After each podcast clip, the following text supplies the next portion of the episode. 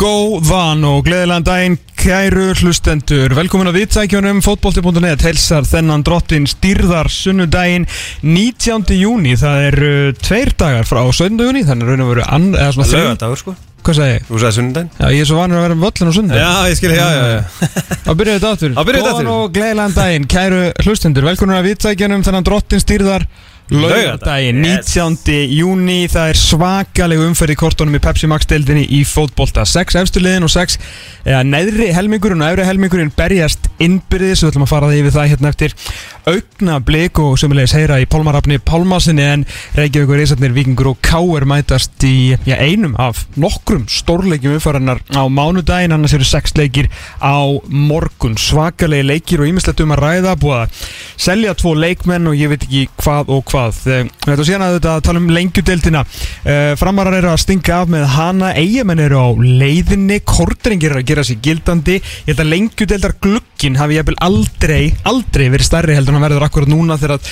já, markaðir opna fyrsta júli og en það viljum aðeins að taka smá snúninga á fram því að við viljum að það er ekki hægt að jinxa þessu þeir eru langbestir, mm eru á leiðinni upp og gleymið því ekki að það er ný framtíð fyrir fram Þeir taka mútið Pepsi Max tildinni á nýjum stað, á nýjum tíma í Gravorholti, þeir eru með sem er að segja með sko countdown á heimasíðinu sinni að tælja, já, já, mjög skemmtilegt. Vá. Uh, auðvitað rótgrófi félag meðalaldurinn á leikjum þeirra er ansi hár. Erum en tilbúinir í þetta? Sagfræðingurinn og framarinn Stefan Pálsson verður á línu og allar svona aðeins að segja okkur frá því og eftir hvort að menn eru hreinlega bara tilbúinir í þetta. Það er að segja svona eldri framar og svo auðvitað við að tala um EM í fótbolta þar sem við heyrum í byrnum á Ólasinni sérfræðingi fótbolta.net og sérfræðingi Íslands um ítalska boltan því að ítalska leiði heillað mest, ég held að sé óhætt að segja það. Og sömulegis er hann og býr í Danmörku þar sem að Kristján Eriksen já, fárið hefur verið í já, mikið og svona kannski stólið hans miklu fyrirsögnum af þessu danska liði sem að hefur síðan ekki unnið fótboltaleik. Þannig að nóg á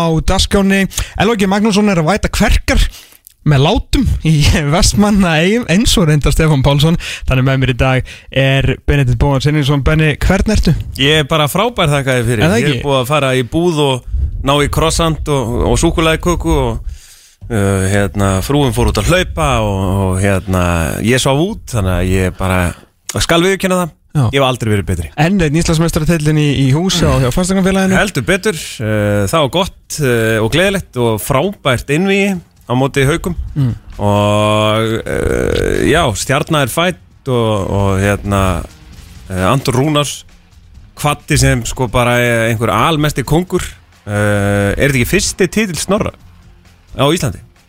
uh, Jú, þeir tjókuðu náttúrulega hann gegn K.A. 2002 þegar hann var held í bestur í liðinu þegar þeir komu hérna unnótaleikin í, í litla halsamölinu ég held að hann var gladur og hérna uh, það er ekkert skemmtilegur en Íslandsmeistarapartí Fórstu það að gera? hvort sem að það er handbolti, körfubolti eða, eða, hérna, eða fótbolti. Nei. Uh, ég bara droppaði við, sagði hæ og, og hérna og fór aftur sko. Hérna er alvöru spurning. Já, Er þetta, ekkert orðið á mikið? jú, þú veist, ég get alveg sagt hversu það. miklu máli skiptir þetta á endanum skilja því þú er nýbúin að taka hérna körfuna hvenna þú ert, þú ert ríkjandi Íslandsmeistari í fótbolta uh, með þú veist þrjá til á síðustu fjórum árum. Mhm. Uh, stelpunnar Íslandsmeistari í fótbolta. Mhm. Ég, þú veist, ég veit ekki hvar sko, auðvitað gott og gleðilegt Já, en ég meina þú veist þú hefur valla verið eitthvað hoppandi bara upp í loft í ger Jú, uh, sko, það veist, mér, bara, mér fannst þetta svo geggjað, sko, uh, þetta var bara svo ótrúlegu leikur einhvern veginn, þannig að mér, ég skemmti mér mjög, mjög vel og, og allt það, en það er alveg rétt hjá þér að, hérna, það er stundum skrítið að vera að, hérna, uh, kannski heima á sér og horfa tíu fréttir og það er, hérna, já, þá skulum við byrja á því að kíkja í, það var svakalegu leikur í valseimilinu, það sem Valur og Ká er áttustu í körfubolta, á sama tíma mættust Valur og Breiðablík í, í fótbolta og uh, Valur var að spila við Káa þú veist, og það er ekkert nema Valur í tífréttum, þetta er erfitt þú veist, þetta er flókið og þú veist, þú ert bara að velja einhverja eina íþrótt eða eitthvað í smá stund. Uh, völdum körfuna í smá stund. Uh, það voru ótrúlega skemmtilegt en við uh, svo færðu okkur aðeins yfir í handbóltan þegar Karma var búinn og það er búið núna, þannig að nú ætlum við að rúlla norður á, á, á morgun og fara á, á, Dalvík. Og sjá þar káa, eða bara baratunni toppin sko. mm. ef ekki að segva ég bara þangað eitthvað neginn Pepsi Max stildin heldur áfram á morgun þegar nýjönda umferðin fyrir á stað með fimm leikjum. Það eru stórleikir í, eh, á efraskiltunni þar sem að Káa mætir Val, Breiðablík tekur á móti FA og Vingur fær Káir í heimsók. Svo eru stórleikir á neðra eh, skiltinu þar sem að fylgir tekur á móti IA, Stjarnan og Háká mætast og nýliðarnir Keflavík og Leiknir. Þú varst að tala um Dalvík Benedikt þar sem að, uh, jú, emmi, toppslagur deildarinnar svona, já, að þannig séð, ég menna Káa getur farið þarna á uh, toppin eða alltaf því uh, með sigri á, á valsmunum með þessi leikur sem að framfer 20. júni hvorki meirinu minna, Mhm. þarf að vera færður á Dalvík þar sem að kartablugarðurinn heima hinn svokallaði greifuvöllur er ekki ennþá klár nei, nei Og eh, sko, og þá er að tala um þetta væri embarrassment sko í lók mæ, já hvað Eh, þá núna? Já, það var, uh, það hefur náttúrulega verið, eh, við hefur náttúrulega verið svolítið að gera grína hvernig okkar heimahagar eru búin að vera að, að líti út, mm það er búið að snjóa. Við sáum Stefán Jakobsson að leggja af stað í tónleikaferð, sko í snjókomu, hvað var það, á, 17, 16. júni held ég? Já, uh, Og sko í fyrra þá, þegar gott sumar, þá var svona, ah, þessu völlurinn er ekki nógu góður En það var, það, mér varst það meira embarrassment heldur en núna. Nú, það er ekkert hægt að gera við þessu núna. Það er bara frost. Hvað ætlar að gera? Er Nei, ég, ég er ekki að sko alveg að káa um einni neitt. Þetta er bara bærin að vera ekki búin að byggja alveg völl og hérna eða káa að fá kannski leifi fyrir og okkur fjármunni til þess að, að búa sér til gerfugras en svo stóra spurningin er ef að káa sko káa er ekki random fótboltalið lengur þeir hafa verið svona undanfarn ári minna, ég veit að það hafa verið góðu leikmenn þarna en veist, ég veit að random er ljótt orð en það sem ég er að meina er að þetta hefur oft verið svo kallaður, ekki svo kallaður uh, ákveðin svona stórkallabolti. Mm -hmm. hann svolítið á elvarna frammi grímsjá síðan að fá hann og kannski verður líka svolítið þannig þegar þú spilar ekki á betra undirlagi. Mani, þegar ég fór hann og var eitthvað framsögumæður og okkur kóðulegtu kvöldi á rættið með Óli Stefán þetta við mig á að tala um hvað hérna er mitt liðin í bænum og hérna, hann var nú einhver annar þjálfar að tala um þetta líka. Um daginn hvað hérna veist, það var allir að æfa á svo fínum völlum og það getur alltaf eftirmiklu verið í fótbolta. Og það er alltaf erfitt var fyrir þá Óla Stefán og Túfa undan því og núna að þetta greita þess að vera að drilla eitthvað fótbolta upp á káasvæði og allir síðan að fara að spila á að það gengur ekki upp, en þetta káalið er gott. Þú veist að spila fínan fótbolta auðvitað versta, en það er samt alveg að skora mörg. Ef að káa vinnur þennan leik mm -hmm. er einhver spurning um að þeir eiga bara að klára tímbilið Nei, það, þe- þetta náttúrulega er make or break bara. Ég meina, ég hef áður sagt að hérna mm, bara það er öllum til heilla að káa spili sína leiki á Dalvík. Þetta er langbesti gerðugrasvöldu landsins hef ég heyrt, ég hérna hef nú það er bara einn að nýju, það segir það sjálft. Já, og hérna og bara það að vera að æfa fi- fimm mánuði, þú veist að, að sko, þú ert að, þú ert að hafsend, þú ert að gefa miðjumannin, miðjumæðurinn út á kantmannin, kantmaðurinn eitthvað, og hérna kemur ut, í, í, utan á hlaup og þú ert að dundra fyrir og þá skalla, þetta er svona æfingin, segjum það. Já, og allt sem þú hefur sagt gerðist á gerðugasi Já, og, og það er hægt að gefa á sko, eh, hérna miðjumannin, Rodri. Já, eh, ef þú ferð á kartaflikarinn eða sem ferð á Akureyravöll þá er mjög líklegt að Rodri muni taka við honum einhverstar í svona mittishæð það er boltinn skoppar svo furðulega, bolt, völlurinn er ekki sléttur.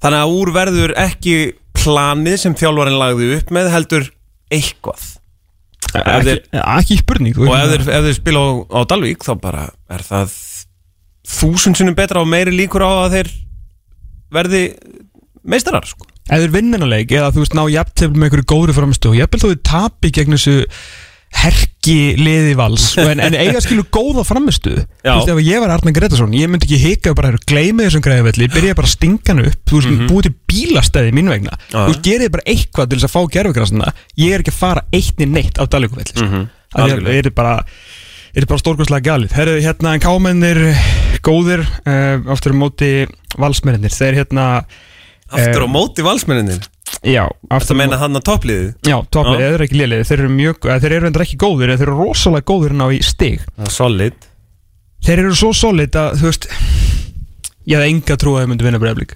Ég veit ekki af hverju ég hefði trú, nei, Ok en það var bara svona moment of madness að því það sjálfsögði að trú, Jó, ég hefði alveg trú, ég held bara að verið komið að því mm. að þetta, Að tala null er myndi fara í einn hjá Óskari já, nei, ég, þetta, ég, þetta snýrist til að miklu meira um svona þegar ég var að hugsa um leikin fyrirfram, þá hérna, hérna meira þetta er svona, þetta get- þetta getur ekki gengið lengur. Það getur ekki gengið lengur, þeir geta ekki neitt með þá ævindirlegu standarta sem þeir hafa sett fyrir sjálfa sig ah. En svo náttúrulega glemdi ég að þú veist, þetta er náttúrulega breyðablík Þannig að það kannski kom út af það sama En þú veist, síðan sé ég byrjanlið og hann f- reyna að hrista eitthvað upp í liðinu Já. Almar Ormarsson kemur í lið og ég er svona, það er ekki Það er ekki, þú veist, Almar Ormarsson skil ég myndi setja hann alltaf á miðjuna, ég myndi ekki setja hann á kantinn Nei, nei, ég var búin að gleyma okkur Almar Ormarsson auðvitað laði hann alltaf bara upp fyrsta markið með að pakka saman Viktor Erni. Mhm. Býtu, í loftin Já. Í loftin, hvernig gerist þetta? Eh, sko, þetta, þetta er alveg þetta er alveg ótrúlegt lið og hvernig þið náðu bara einhvern veginn að Svo settum við svona vítarap fyrir sko, markið, er ekki allir sem sáðu það? gera það líka um Já, já, boltin fór aldrei inn. Hann fer ekki. Já, hann fer ekki það er vissulega náttúrulega út af landsliðsmarkverunum sem er náttúrulega bara, Fastegna braskaranum, eins og við köllum hann núna. Heldur hann flyti úr fórsvæðinu ég er ekki ánægð með það en uh, þetta er alveg ótrúlega hvernig það liðin þú veist Já, Ég, þú veist það er svo erfitt að tala um þetta Þetta er bara einhvern veginn svo hérna fór þessu, fór þessu umræði í gang með hérna ef við tökum bara hana aðeins með hérna þessa svona grænt út stíin versus uh, hérna að spila e eitthvað meira. Þú veist, mm. veitum alveg Óskar að hérna komið sér frétta á 43 í gær með, hérna, með tölfræðina þegar voru yfir öllum þáttum samt fára þessi þrjúmörk sko, leikarnir voru ekkert slakir í þessu leik. Mm. í fyrsta sinn held ég í raun og veru að blikar sem hafa oftir bara svona lamdir í klessu í þessum leikjum gegn FH, Káur og Val sem þeir hafa ekki ennþá unnið og eru með alveg ævinn til að lera eitt rekord þeir eru oftir bara lamdir út úr leikjunum. Af því að þú veist, þeir eru ekki með neina það er ekki kallar, skilju það er ekki kalla kallar Já, Damir er bara í vörninni já, þú veist, og, og, og, og stundum er hann ekki einu svona kallakall í þessum leik. Það er einhvern veginn enginn sem þú sérð einhvern veginn svona með, skiluru, með bóla sterkan og harfisk. Skiluru, þú veist, það er, enginn í bleikaliðinu sem ég sé fyrir mér vera að borða þetta mm. einhver staðar í einhverju veiðihúsi einhverjum, einhverjum, hérna, einhverju góðhúsi. En það var samt ekkert issueð í þessum leik að þegar þú horfið tilbaka þá var náttúrulega snerist bara um það að þeir gátt ekki sparkað helvitis fótboltaminni markið sko. Já, já Ég er náttúrulega að horfa á þetta með mjög sterkum valsklerum sko. Ég verð nú að segja það Mér finnst eh, bara Þú veist það, bara fótbolti er ekki tölfræði íþrótt uh, og það að geta gefið þrísvar sinnum til hægri og, og spilað hérna svona einhvers konar veist, hliða saman hliðabolta Já, bara fine by me, þið með alveg gera það sko. Það skiptir mig engum máli sko. Já, en hliða saman hliðabolt er samt í þessum leik skilaði fullt af færu Já. sem náðu ekki að nýta sko. Já, ég var nú samt ósamála hérna uh, mínum ástkæra Herði Snævari sem sagði að það breyfli hefði átt að vera fjögun úr lifir í hálfleik Já, við ráum okkur. Já, hann er hérna en, en jú, jú, þeir fengu færi og hérna mm, og allt í góðu með það. En hérna eins og maður hefur bara oft séð einhvern veginn það, það bara ef þú þú veist, ok, hérna þú veist, ef Hannes er Hannes er, hann er búin að sturlaður í sumar sko. Mhm. hann er búin að algjörlega frábær sko. Ég hef aldrei séð hana þess bara Síðan að hann vann sjálfur hérna tillið fyrir K 2013 sko. Já, það er mitt uh, Hann er bara í ævintýrlega góðu standi og ver bara allt og er einmitt að bjarga þessum stigum sem að sem við erum að, að hérna, grænda út sko, en hérna En þessi barátum miðina Því að maður sá hérna þessi umræða Hérna Hjörvar var að tjá sig um, um hérna, Old men taking hjóla jó og þeir auðvitað fá gulspjöld blikarnir og vera eins harðari og uh, því var svarað með þú veist þessari grein hérna á, á Devaf að þeir unnu fleiri bolta miðinni og, og hérna allt, og allt er góð með það og ég ætla ekki að reyngja það menn þetta er bara tölfræðin sko tölfræðin lígur ekki. Mhm. en þú veist hversu mikla þú veist hversu marg síðan það sem við vitum ekki nefnum kannski sjáum skiluru einhverja dítilera skýrslu með vídeo sem náttúrulega enginn ennir að horfa á því að við erum bara þú veist að njóta, við erum ekki að greina sko, veist hversu mikið af þessum boltum skipta einhverju máli. Það sem að ég man eftir veist það sem bara, þú veist, nú er bara að taka ættestið og ég er aftur, ég er ekki að rengja tölfræðina, alls ekki. Já. en ættestið mitt segir bara að Birgir Heimisson vinnur bolta þegar að við, hérna, uh, Viktor gefur hann hérna út úr teiknunum sem endar með, veist, með skotið sem fyrir stönginu og fylgja eftir á mark sko. Mhm. þú veist, hvort sem á hérna Óskar var ekki að pyrraður yfir umræðum um kíló og þyngd og, og töffnes og eitthvað. Þú veist, ég upplýði samt svona þú veist, ættestið mitt sagði samt að- svona valsmennir voru alveg bara í þokkulega málumöndin á miðunni þrátt fyrir að Alexander Helgi og Oliver hefði einhvern veginn átt að hafa, þú veist, tölfræðilega unni mikið að boltum, sko. Já, Þú veist, stundum svona kemur þetta aðeins niður á ættest, sko. Já, já, bara algjörlega sammálaðir uh, með það, mér varst hérna mér Birkir Heimis frábær í Hann var þessum mjög leik. góður, hann var virkilega góður, sko. og hérna, þú veist, það er svona gretta ungur, þú veist, ég hleypði bara niður gaur. Mhm.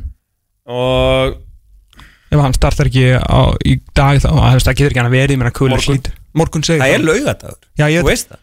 Ég er búin að vera í sótku heim í tværa vikur sko, reyndar ekki Já. út á COVID út á Nei, öðru, en hérna, ég veit ekkert hvaða dagur er Nei, nei. að, hérna, En hann verður alltaf á, á miðunni Það var svona mm, Sko, Köller Finnst mér, hann gæti verið góður bara í breyðablík sko.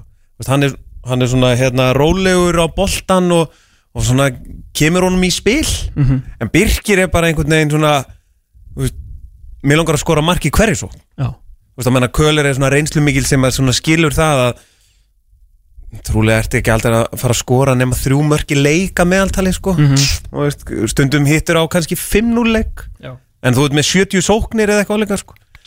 Þannig að hann er svona meira að dreifa sko en Birkir hann bara, "Jó, gerum þetta. Gerum áfram. Já, hann hendar hann hendar vel í, í hérna.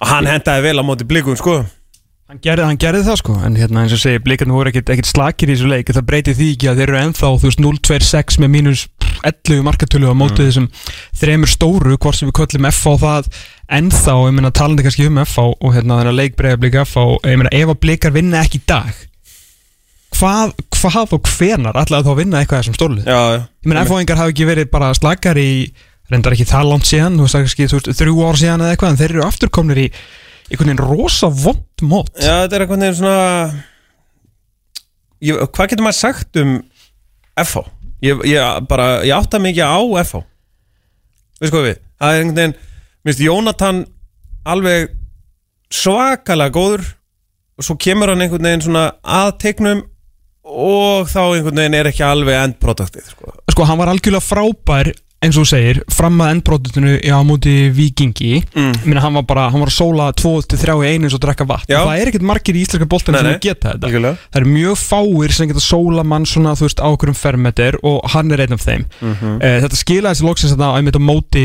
stjórnunni þegar hann veist skoraði eftir svona góða sóknu efáðingana það er alveg rétt sko, þetta er allt eitthvað voða svona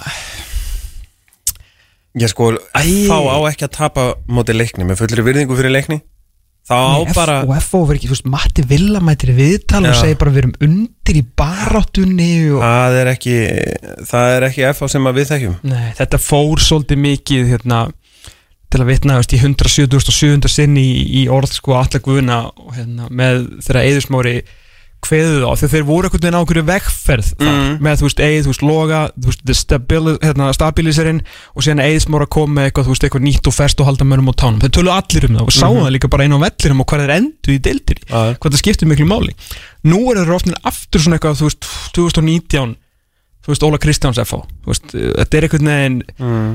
þú veist, veist Guðmann og, og Guðmann Kristjáns ekkert geta bara hægir, bara Já. alltaf og þeir eru svona 60 mínútur menn ég veit að Guðmann Kristjáns er enga þjálfari þú veist, og hann á auðvitað, endist hann í 90 mínútur. Hann er alltaf snúin þú veist, sundur saman eins og ég veit ekki hvað ef hann lendir í ykkur návi, menn voru að fara í gegnum hann í tegnum í fyrra, mm. Pétur Viðas áttu svona 55 mínútur á tanknum í hæri bakgrunum og hérna vikingi, hörður yngi slakur, hjörtur login alltaf kennst, þú veist, valla í, í liðið og þú veist, Björn Daniel hvar og hvað er hann Mhm. Stephen Lennon, ég meina hann fór að vera bestileikmaður Íslandsmótsins Mhm. í bara topp 5 lélegasti frammennin deildinni Mhm. og ég veit ekki hvort það sé honum að kenna eða systeminu sko, mm -hmm. fótboltanum sem er að spila algjörlega drop-offið á þessum sjö mánuðum frá því að þeir endur síðast tímbil og frá að þetta tímbil byrjaði já.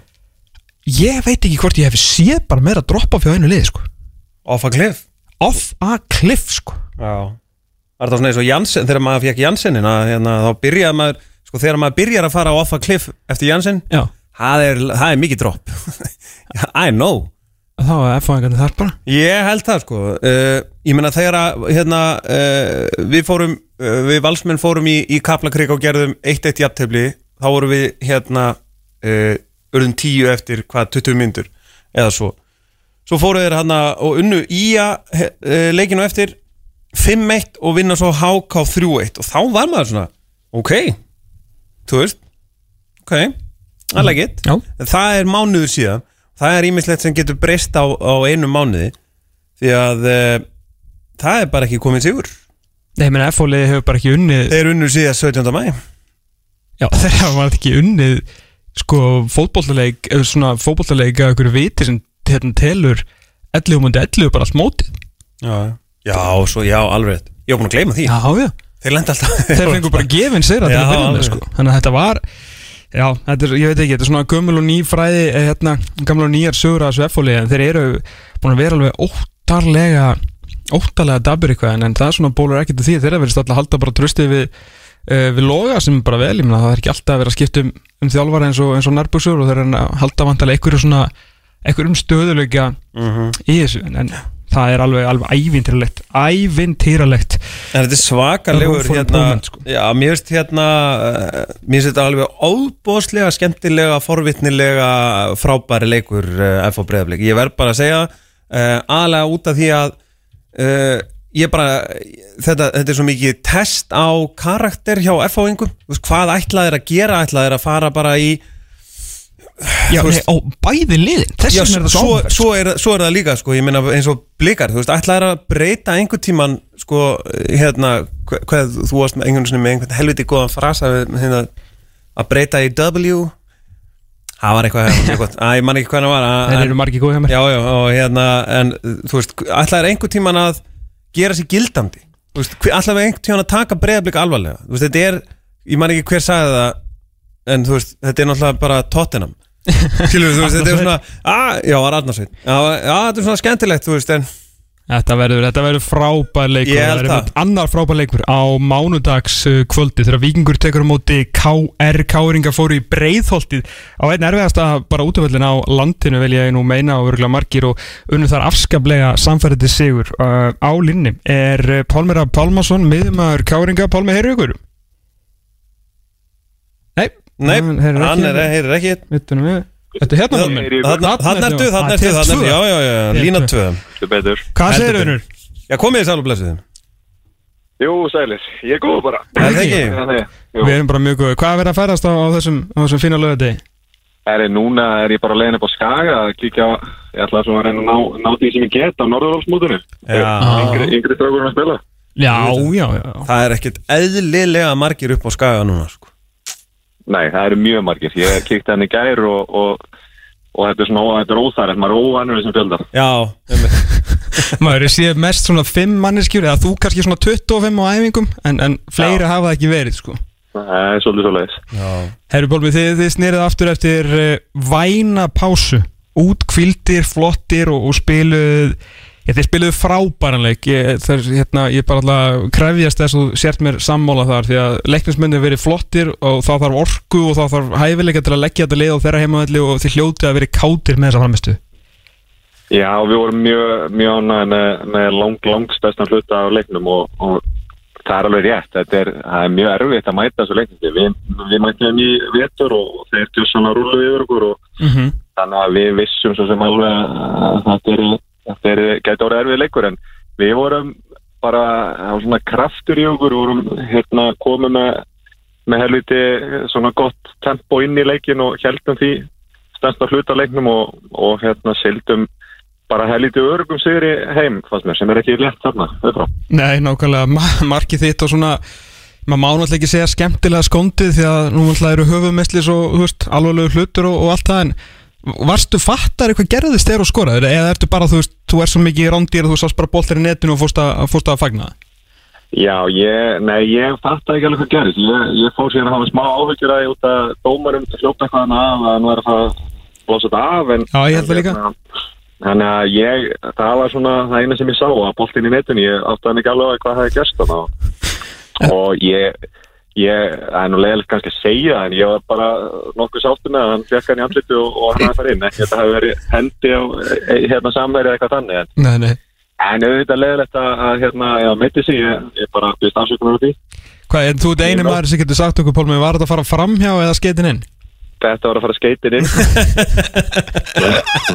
Það er klart Hérna, hversu mikla röllu spilaði hérna þessi pása fyrir ykkur? Ekki bara fyrir ykkur, hérna eldri leikmennan til að kvíla ykkur aðeins þetta er líka bara svona aðeins til að stilla saman strengi. Sko Pásu geta verið trikki. Já. Þannig að hérna Það var Það er ekkit endilega gott alltaf að fá langa pásur og, og hérna þó við séum hérna eldgamlir og, og þreyttir að, að þá hérna það getur verið trikki en við, við æfðum mjög vel. Við hérna tókum margar erfiðar æfingar, full, margar og full erfiðar Ok, að mínum að en, hérna, en uh, Rúni Nós og, og hérna, það er eins og ég segi, við komum inn í þennan leik með bara, bara líka með algjörlega upp á tíu og, og spennustíð og allt saman. Þannig að, já, þannig að þeir settu upp þessa, þessa pásu alveg frábælega með við hvernig við komum úr henni allavega. Og þannig að hérna, það, þeir með eiga það þó að maður hefur kannski blótað þeim á og til hana í æfingavikunni að þá þá hérna gerðu við þetta frábælega og við, við komum alveg upp á tíu inn í þennan leik Það er svona jafnvel eins og að Rúnar Kristinsson viti aðeins hvað hann er að gera Er, er það það sem þú ert að segja?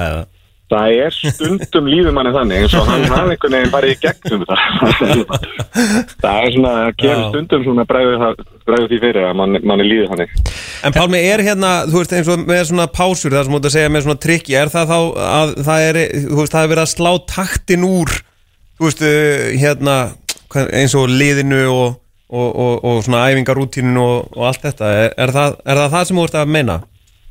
Já, sko, það, já, það er svolítið þannig, þú veist, þetta er bæði einmitt upp á bara æfingamagn og bara hvað á að gera mikið og það yfirleitt er þetta kannski bara þarna leikur sem ætti að vera Mm. og þá er nú gjarnan hendi æfingaleiki sem er algjört, sko, þrótt oft á tíðum, Já, engi sem henni er að spila á, Mm. þannig að þetta er alveg, þetta er trikki að, svona einhvern veginn að halda líka mannu réttum og, þú veist, út að það er náttúrulega alltaf verið að horfa bara á næsta leik já, já. Og, og það er alveg það getur orðið helviti svona þungt og, og leðilegt út að menn vilja bara spila fótballtaleiki Einmitt, einmitt. Herru, leikurinn á, á mánudaginn er hann er, uh, hann er huge.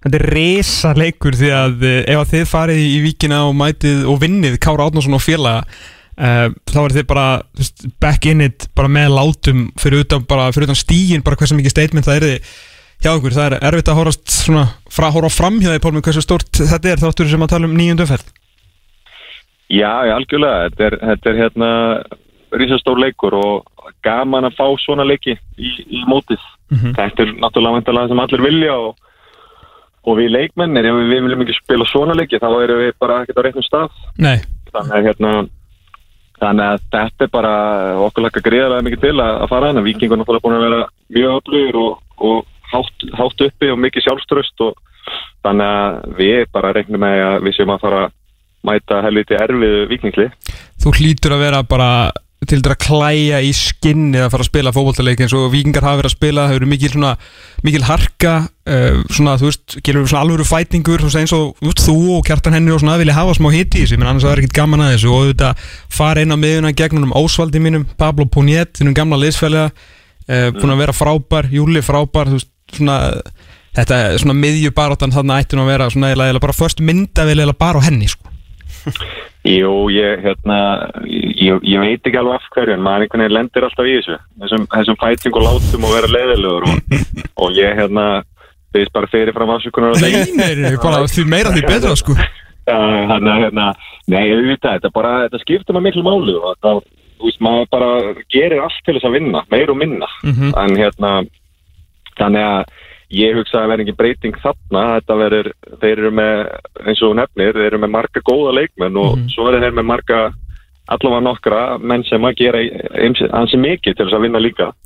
Og, og þá er hægt við að það er kannski eftir að vera einhver leiti. Og, og ég ég var alveg til að hafa, hafa hérna, myndavél á, á miðursæðinu og geta kíkt á eftir leik Já, þú að sparki hælinn á Pablo Pablo eitthvað að tækla því og það verður eitthvað svona sko. Já, hann, ég veit alveg að hann verður óþólandi og, og, hérna, og hann reikna sennilega með því sama frá mér. Það er svona það er, er, er hægt við Af hverju kom þetta einhvern veginn allt í einu umræðina bara á þessu tímambili að hvað Pablo Puniet verið óþólandi Þetta verið fyrir verið mér bara eftir Rasmus Kristjánsson bara the nicest guy in football sko. En greinlega hafði ég bara eins rámt fyrir mér og hægt Ég, Benni, hefur þú veist manni verið varlis umræð? Mér finnst alltaf svo Nei, ég, ég, ég allt í hennu datt þetta inn að hann væri hérna, dirty player á, á vellinum. Ábyggilega frábæður utanvalla, ég þekki hann bara ekki hann Nei. hefur aldrei verið í mínum liðum hann er hérna, þekki það ekki, en hérna uh, einmitt valur vikingur, þá fyldist ég nú aðeins með og þetta er alveg nagli, sko, Þetta, þetta er bara sóði. Þetta er sóði sko. En, en djöfur sem ég elska hans sko, Ég að vera bara- Ég meina, Þú lítur að vita þetta, Pálmi. Meina, þú veist, hefur hann alltaf, Var hann alltaf svona í káira? Já, ég meina það, það er, ég, þetta er alveg rétt hjá okkur þetta er, hérna, topp top eintak utanvallar, engi spurning Nei, og, og hérna, indislegu maður. En hann er bara eins og ég segja hann bara gerir helviti mikið til þess að vinna. Hann bara er í þessu til þess að vinna og eins og, eins og margir aðrir. Mhm. þannig að hérna hvort, að, hvort hann sé sóði, eða dörti eða hvað, það, ég, ég ætla ekki að dæma það Mátti ekki láta hafa eftir Nei, nei, nei, hann, hann bara í leiki til þess að vinna og það er gott að hafa þannig menn í sér og, Já, og hérna, við erum komið með, komið með eitt þannig til okkar núna sem að er, hérna, er helviti gott að hafa í liðinu okkar og, og, og hérna, gerir ansi, ansi mikið til þess, að, til þess að vinna og gerir ansi mikið fyrir okkur inn á vellinu líka. Hvað, hérna, hvernig var klefin eftir að hann stál þessu markja af flóka? Er, er hann bara það mikið alfa og omega að flóki verður bara að segja til hann mikið með markið? Maður var engin, var engin lætið? Nei, nei, engin læti, þetta er hérna þroskaðu klefi. Og hérna, og hérna Flóki er náttúrulega svo mikið topp eintaka, hann bara hlæra þessu og er alveg sama, hann náttúrulega með frábært finish og Þetta var svo geðvitt finnis þetta var allt lýsandi hana, bara frábær sending hjá ægi og, og frábær spinnis hjá hérna, mm Flóka en, en hérna frábær stuldur hjá kjara og honum er drullu sama hvað hérna öðrum finnst og, og, mm, Ég hérna, og það er bara þannig að þetta lið er þannig að svo lengi sem við vinnum þá erum menn, menn sáttir og, og það skiptir okkur yngum máli hver skora mörkin. Frá, hérna Flóki gerði þetta bara unnæslega og, og, og hérna hann getur ánum með það. Hann fekk assist í staðinn. Það er best að vita sko, ef að Gertan Henry verið dandur rángstæðar þá hann skamma flóka fyrir að gefa hann ekki fyrr sko. það er hægt við því En hvernig er hérna eins og, eins og með, veist, þegar kjartan herri kemur og, og, og annað, maður mað svona það hérna, mm, maður getur ímyndað sér að æfingar hafi farið aðeins á herra tempo, klefin orðið aðeins skemmtilegri, eh, ræðurnar jafnvel sko gáðulegri, það stendur utan á honum að hann sé karakter, uh, hvernig svona, hvernig er að vera með honum í klefa? Það er náttúrulega bara vel þreytandi og, og, hérna, og mjög gott. Það Hérna, nei, ég meina, hann bara, eins og ég segi, hann er, hann er einn af þessum sem bara gerir allt til þess að vinna og, og, og kemur inn eftir því, kemur inn í klefan með bara mikinn sigur vilja og hugafar sem er til eftirbreytning bara. Mm Að hérna, það er gríðarlega gott fyrir okkur að fá hann inn og, og, og gaman að honum. Það er náttúrulega hérna, vel steikt eintak á, á góðan hátt -hmm. og hérna og hann er að gera alveg hrikalega mikið fyrir okkur bæði eins og ég segi innanvallar og, og utanvallar. Kemur, það, er- hann, hann, er, hann er svipaðar á æfingum og í leikjum. Hann, hann, hérna, hann rýfur svipað mikið að, og það er bara gott að halda mannum á tónum Það held ég uh, save the best for last segja þér fimmleikir í Pepsi Max á morgun og svo Under the Lights uh, það er að segja náttúrulega Guð ljósunum bara á mánudagskvöldi kl. 19.15 Víkingur K.R. Pálmi Rapp Pálmarsson gangið þér svona sæmilega vel á mánudagin en alltaf gaman að heyri þér Takk að kella leiðis Herri vinur, bye bye Já, Pálmi Rapp Pálmarsson topp eintak Já, uh, þráttur er fæðingastað hann getur ekki gert því Nei, nei, hann, hann getur ekki gert en algjör topp maður Já, já. Herru, ég ætlum ekki að fara eitthvað yfir alla leikina en svona áður en við uh, fyrir svona þess að skipta um gýr, ekki það að okkur leggji, le- leggji ekki neitt á, langaði með að ræða eitt við. Mm. Núna á síðustu tveimur dögum hafa tveir íslækir fótballtamenn verið seldir. Já, Annars verður Ísak Óli Ólafsson sem að komst ekki liði hjá Sönur Íski og var lánaður heim til Keflavíkur þar sem að Keflavíkur liði þar til í leiknum móti Hákaðu fengi á sig meðaltali fjögur mörki leik og hann er varnamaður liðsins eh, Hann var seldur enda neðurundeld úr Sönur Íski í Esbjerg sem er samt topp klúppur í Danmarku, stór klúppur já, já. og nýjir eigendur þar með veist, stóra pælingar og þeir sjá eitthvað í honum og ég bara, hérna, ég er ekki, ég er ekki að lasta hann en ég bara, þú veist, fakturnar eru svona Mhm. að þetta verður ekki verið á einhverju hraðri upplið hjá hann með samt færin þetta fína múf þráttur að sé að fara niður um deild en að vera í danska glukkanum er stórt Robert Orið Þorkelsson síðan að uh, samaskapi uh, náttúrulega frábár undirbúinistímbilinu verið frábær fyrir afturheldingu menn að keftu til breyðabliks Mhm. uppgangurinn hans kemst inn í undir 21 landslið er að starta út EM 21 en svo bara kom smá vekkur. Stuttur vekkur en það kom smá vekkur þar sem hann átti ekki gott EM, ekkit frekar nokkur hann leikmaður í íslenska liðinu. Eh, já, ósangjant, Jón Dagur og nokkur góður eh, og missi sætið sitt í bleikaliðinu þar sem hann byrjaði skiljulega Mhm. hann fær eitt mest svona eitt flottasta múf frá Íslandi sem ég sé í langan tíma Já, til Club de Football. Þeir heita ekki lengur Montreal Impact þeir voru, nei, voru að rýbranda sig. Já, já. voru að rýbranda sig fyrir þetta tímbil heita ekki lengur Montreal Impact heitur Club de Football eh, Montreal eh, kanadísku klubur í eh, hérna í Quebec svæðinu þannig að vondu fréttina fyrir Robert Þóra það er allt gott við þetta, nefn eitthlutur Hver er hann? 65% fólks í Montreal talar frönsku, þannig að það er eins gott að og frakkarnir hafa ekkert tolerans fyrir Nei. fólki sem talar ekki frönsku þannig að nú þarf að fara að læra frönskuna 1, 2 og strax Mhm. Mhm. í ljósi þessar umræði sem var hjá Hjörvarun daginn hérna, hann Harald frá hérna, hérna með data analysis og svo Bjarki Máru þetta núna Einmitt. að ræða þetta með það að upplýsingarna sé á, á skortinu skamti það gætur reynda að vera meiri fór breyðabliki því að þeir eru veist, oft einhvern veginn aðeins og und, hérna, undan að meirinni þetta eru flestir en svona með hvað ég hefði haldið að að svona data væri ekki mikið um þá en, en öruglega eitthvað Mhm. og með hvernig hann hafa verið að spila er þetta ekki, þú veist, ég, ég samklæmst þeim svo innilega og sérstaklega Robert Dorra því þetta er ekkit úminna og líka skil eftir pening fyrir hann gerir nýjan samning og afturlendingu 2019 að því hann veit að hann er að fara eitthvað til þess að skilja eitthvað eftir sig. Mhm. Paldi, þú veist, Já, félagsmanni. toppmaður, Mhm. en þetta er samt eitthvað svo, þú veist, til að vera smáleðilur svo skrítið Já, ég meina, hann er búin að spila tvær 90, eða tvo 90 minna leiki. Í eftir aha, nei, hver, særu hann Robert eða það, jú Er þetta bara tveir? ef þú sagði tveir, ég menna ég er þar með eftir deild Já, tveir í núna allavega í ár já, þetta er fyrsta tímbil að eftir er, deild þetta er, já, já Einmitt. hann har tvo leiki á hæsta leveli Já, og svo uh, byttu þú leiki Já, og uh, þetta er eitthvað, eh, hérna, þetta er eitthvað databæ, sko já, hvað er datað? Já, ég, Það var verið að tala um að það er ekki data. Mitt. Þú veist, bandargemennir og, og kannar þessast MLS-liðin hafa verið að horfa aðeins meira til Skandinavíu þess að geta fengið svona, fengið svona fína díla og það sem mér langar ekki að vita neitt meira nú veit ég meira heldur en allir á landinu held ég um bandarinskri íþjóttir og hvað þá, þú veist, MLS að, hérna, og svona, þú veist, struktúrun í kringum þetta mm. mm. þú veist, eins og er náttúrulega þessi, hérna, í bandaríkjum er með það sem að þetta heitir DP, a designated player þú mátt vera með þrjást líka, svo þú mátt borga yfir launatækið Já, þeir eru með eitt þannig sem er mjög lítið þannig að þeir vera svona ekki vera það var í anma ha, það við, við, það er hérna Viktor Vanja- Van- Viktor Vanjama gamli jú. uh, síðan eru bara þú veist næsti maður sem er hérna uh, á lista þeim sem er einu sem skráður sem DP uh, er með 600.000 dólara Viktor Vanjama með eitthvað 6 miljónir sko, þess að gummi tóta um 400.000 dólar ári. 40 miljónir eða eitthvað sluðis 50 Wow. miljónir, 50 miljónir um, þetta er mjög öðvelt að flettis upp að því að jú. bandaríkinn þeir bara segja hvað allir með laun sko. En svo er svo strákur í vördinni hjá Montreal núna sem er þú veist, með 80 dólara hérna, á ári sko. hann er bara svona peningarnir skiptum ekki máli, ég er bara svona þess að pæli hvernig þeirra er að struktúra þetta En þeir eru líka með, eins og þú varst að segja Ég meina þeir eru með Lassi Lappi frá Finnlandi og þeir eru með hérna, Björni Jónsson frá uh, Noregi þeir eru greinlega að skoða eitthvað hérna, Skandinavi Já, við ætlum að læra, þetta með strax árun allt verið vittlust Robert Dóri komið út í glugganum í fyrra og spilaði 13 leiki hann er með 15 í heldina uh, árun allt ekstra hliðina.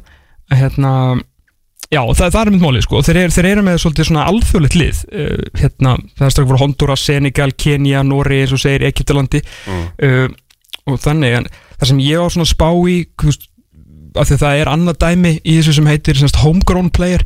Þú veist, ef þú hefur búið á svæðinu í eitt ár þá má skráði sem homegrown player og þá, þú veist, telur ekki endilega til launaþaksins sko, hvort að hann sé, að því að mér langar svo að vita hvort það sé að fara að spila. Og vantilega sjáum við það bara mjög fljótlega að því að vonandi farin að spila, þetta er ríkilega hæfileikar ykkur strákur. Já, já. sem ég hef líkt við svona, það næsta sem ég séð á honum er, er Bjarni Ólaður Eiríksson. Bara veist, um, um löppina og alltaf þó hann hefði kannski eitthvað eftir í 50% og gæðunum.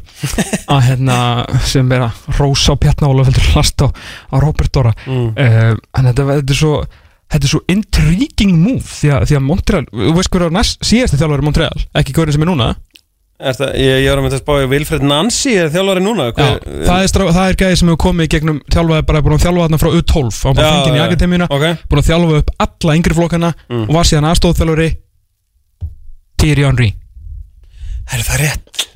Henry hætti það nút á persónum Já þannig að þú veist, og það er eitt við það að spila í kanadiska í kanadisku liði MLS sem Já. ég skal fræða ykkur um mm. er það að Kanada er með sæti í eh, CONCACAF meistaradeldinni það fer ekki undir MLS Bandaríkin, þú veist bandarísku liðin berjast sín, þú veist sigurvegarinn í MLS uh. uh, eða efsta, efsta sérst bandaríska liðið Mm. fer í hérna fer í CONCACAF Champions League semst Suður Ameríku uh, nei, með, Amer með Ameríku og Ameríku meistaradeldina Mm. en Kanada er með sér byggarkeppni til hliðar þar sem að Toronto og Montreal mætast nánast alltaf árlega í úsluleiknum og ef þú ert kanadísku byggarmestari að þá ferðu, ferðu kanadísk sæti í CONCACAF Champions League sem að gera þetta þá ertu farin að spila við lið frá sko Mexico og, og, hérna, og The Americas. Þú veist, þannig að það er, það er veist, Montreal, Geðvik, Borg, MLS Dilda og uppleið búa þú veist, í þessum hluta, veist, þetta er svo brjála eftir flott múf sko. Já, algjörlega. Uh, Ég held að borgin er gegg Já, Og líka, þú veist, eins og Kanada er bara frábært land Ef að þessi Vilfred Nancy, ég meina, hérna, hann, eh, hérna, átti þarna, eh, á, bara vantilega búin að vera þarna, er ákveðið húsgagn og ákveðið möbla þarna í þessu félagi og svo hættir Thierry Henry og þá fær hann tækifæri. mm -hmm. Ef hann, ef hann, hérna, skýtur eitthvað í hegi, ég meina, er, er þá ekki eigundur af, aft, aftur að fara í svona stórt nafn, Já, það held ég Og var þá er bara Robert Orri komin, eh, komin með hann er komin með hver getur, hver er fra, Marcel Delsay sem þjálfur bara Já, þú veist, ég, það kemur ekkert bara- á óvart sko. Mér, Ég var svona að reyna að ráða í launastruktúru þeirra í gær sko. hvað, hérna, hvað menn er að fá og hvað eru margir DP og, og hérna, HG og svona uh, hérna, Þannig að þeir, ég veit ekki þeir lendu endu í áttundasæti eitthvað fyrra og fóru í playoffs en svona hvort þið sé einhverju rýbildi þú veist, það gæti alveg verið þeirra að fá strák eins og, eins og Robert Orra en, en hérna, ég held að þetta sé alveg, alveg. Robert Orri er 2000 og, hvað sagður? Robert Orri? Ja, 2001, 2 uh, Mér langar að segja 2001 2002 2002? Já. Já. Þannig að þetta er svona, þetta er með, með svona skemmtilegri múum og Ísakóli sem er leiðis að komast í Esberg og, og hún fer þetta svona aðeins meira á, á stað hjá, hjá honum sko. Herðu, rétt svona annað í þessari nýjundu umferð og fylgir í á, á morgun þar sem að eh, Óttar Bjarnir í banni. Eh, Stjarnan Háka og Stjarnan komast á að sem áskrið og svo Keflavík gegn leikni, það Mm. er áhugaverður leikur því að Keflingarnir móti Háka og ég horfði á þann leik, Ok, voru frábærir. Ok. Eða voru frá, þeir áttu að vinna leik svona 6-0 Já, ok. Þeir bara þeir óðu í færum sko, leiknir svona aðeins svona, svona aðeins svona. Mm aðeins svona, það vantar eitthvað hérna, smá upp á þessi lið. Það var þetta marga hildina háð undan fara nári næst efstu deilt eitthvað sem þú vildi koma frá þér með Pepsi Max Benny Bara að hérna hlaka til morgundagsins. Uh, Já. Við ætlum að leggja staða klón 10 á Tesla uh, og hérna uh, ég hef aldrei farið á ramaspíl norður. Þannig að hérna hlaka til og veit ekki hvernig þarf maður að stoppa í staðaskála og hlaða? Það er Þessi, ekki, verra. En fyrir eftir sko, hvernig típa þú ert á farsíma eiganda held ég hlýtur að vera sama típan og þú ert á, á hérna, rafbíla eiganda mm. Þú veist, ertu gæðin sem að hleður í 60% að þú ert svo hrættur að þú óttast 5% sko, ég er þar. Já, ég var með gamla síðan minn sko. Já, já, Þú veist, ég er hrættur við litla hlæslu já. Þannig ég, ég væri gæðin sem myndi hlaða í staðaskála þráttur ég væri 75% mm að, En mér finnst bara, þú veist, þetta er bara hérna, ég, ég er búin að sjá lítið af káa mm. uh, hlaka til að fara, þú veist, á þennan völl. Uh, beint við hérna íþrótta miðstöðuna sem að Samherji gaf. Já, og bara spennandi, sko, svo finnst mér uh, bara eins og ég segi að breyðablika F er uh, sko, þú veist, jafnvel þó að ég ætla að fara norður og, og horfa á, á leikin á móti káa þá, þá býð ég einna spenntastur eftir breyðablika F það er eitthvað, það er eitthvað í loftinu sem ég get ekki útskýrt, sko. Veit ekki hvort að, veist, er breyðablika ég meina breyðablik uh, að þeir tapa 3-1 en þjálfarinn kemur og segir sko þetta er bara, við erum frábærir. Mhm. og bara ef við höldum svona áfram þá þurfum við ekki að hafa neina veist, var hann þá að meina spila mennskuna að hann vill bara hafa menn ógeðslega, þú veist, ef við spilum vel en töpum. Það, er, það er nóg.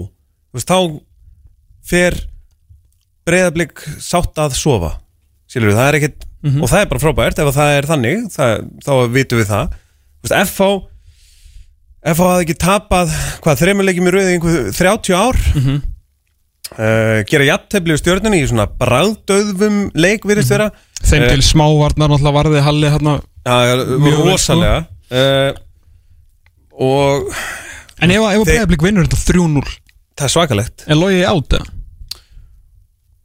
Nei, Nei, nei, ég, ég, nei, nei, ég held að hérna, þetta er bara liðið sem að FH allar að treysta á og þetta tímabilið og koma þeim einhvern veginn uh, nær topp. Að, Nei, held ekki En ég er allan sammála, þetta er leikurinn til þess að fylgjast með því í þessari umfyrir. Við takum stutt á pásu, skuldum nokkar auðlýsingar, hendur kannski á einu lægi, hér handan við eh, hornið. Er það lengju deildinni, ætlum að fókusa á langbesta liðið í deildinni sem að eh, eru þetta fram, en hver er framtíð fram? Ef það skiptir einhverju máli, þá heyrur það á fótbolta.net Það er ekki hægt að bjóða upp á svona lag, hvað er góð, shit hvað það leiðist með. Við bara byrjast afsökun Já, ég bara, þú veist, taka hérna fram fyrir það sem voru að koma að uh, tækjunum, ég heiti Tómas Stór, hann er Bendit Bóas, Elvar Geir er í vestmannum, hann er tæknumar per excellence, ég enda ekki ennþá búin að klúður í dag, við byggjum spennt eftir því.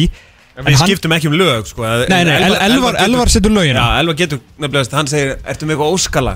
Já, Sem er versta spurning í heimi þegar þú hefur allan tónlistarkatalógin fyrir fram að þér. Rétt Þannig að maður svona eh, eh, Hann bara, kannski maður stál og hníf bara með buppaði Já, með það að fá meiri panik. Algjört panik. Uh, En Elvar er eh, góður í þessu sko. Hann hefði ekki sett þetta lag á Það eru góð ástæði fyrir því að í hverjum einasta þætti hér, það er ekki, það er ekki tilvölun að við heyrum á hverjum lögði Má ég gista, má ég sofa hjá þér, ég skal vera í öllum födunum Herðu, hérna við ætlum að fara aðeins yfir í lengju teltina Það er, uh, og lengur í gær uh, skemmtileg, uh, skemmtileg umferð svo, svo sannarlega þar sem að ég skal segja ykkur það að kórdrengir tóku sér til og unnu fram, nei unnu fram, unnu Þór uh, 1-0 í Þorpinu, resa sigur fyrir þá, búin að gera jafnteflu útivelli gegn IBVF, við erum búin að vinna Þór á útivelli, þetta kórdrenga kórdrengja project uh, heldur áfram að gefa Þóri Rapp skorar.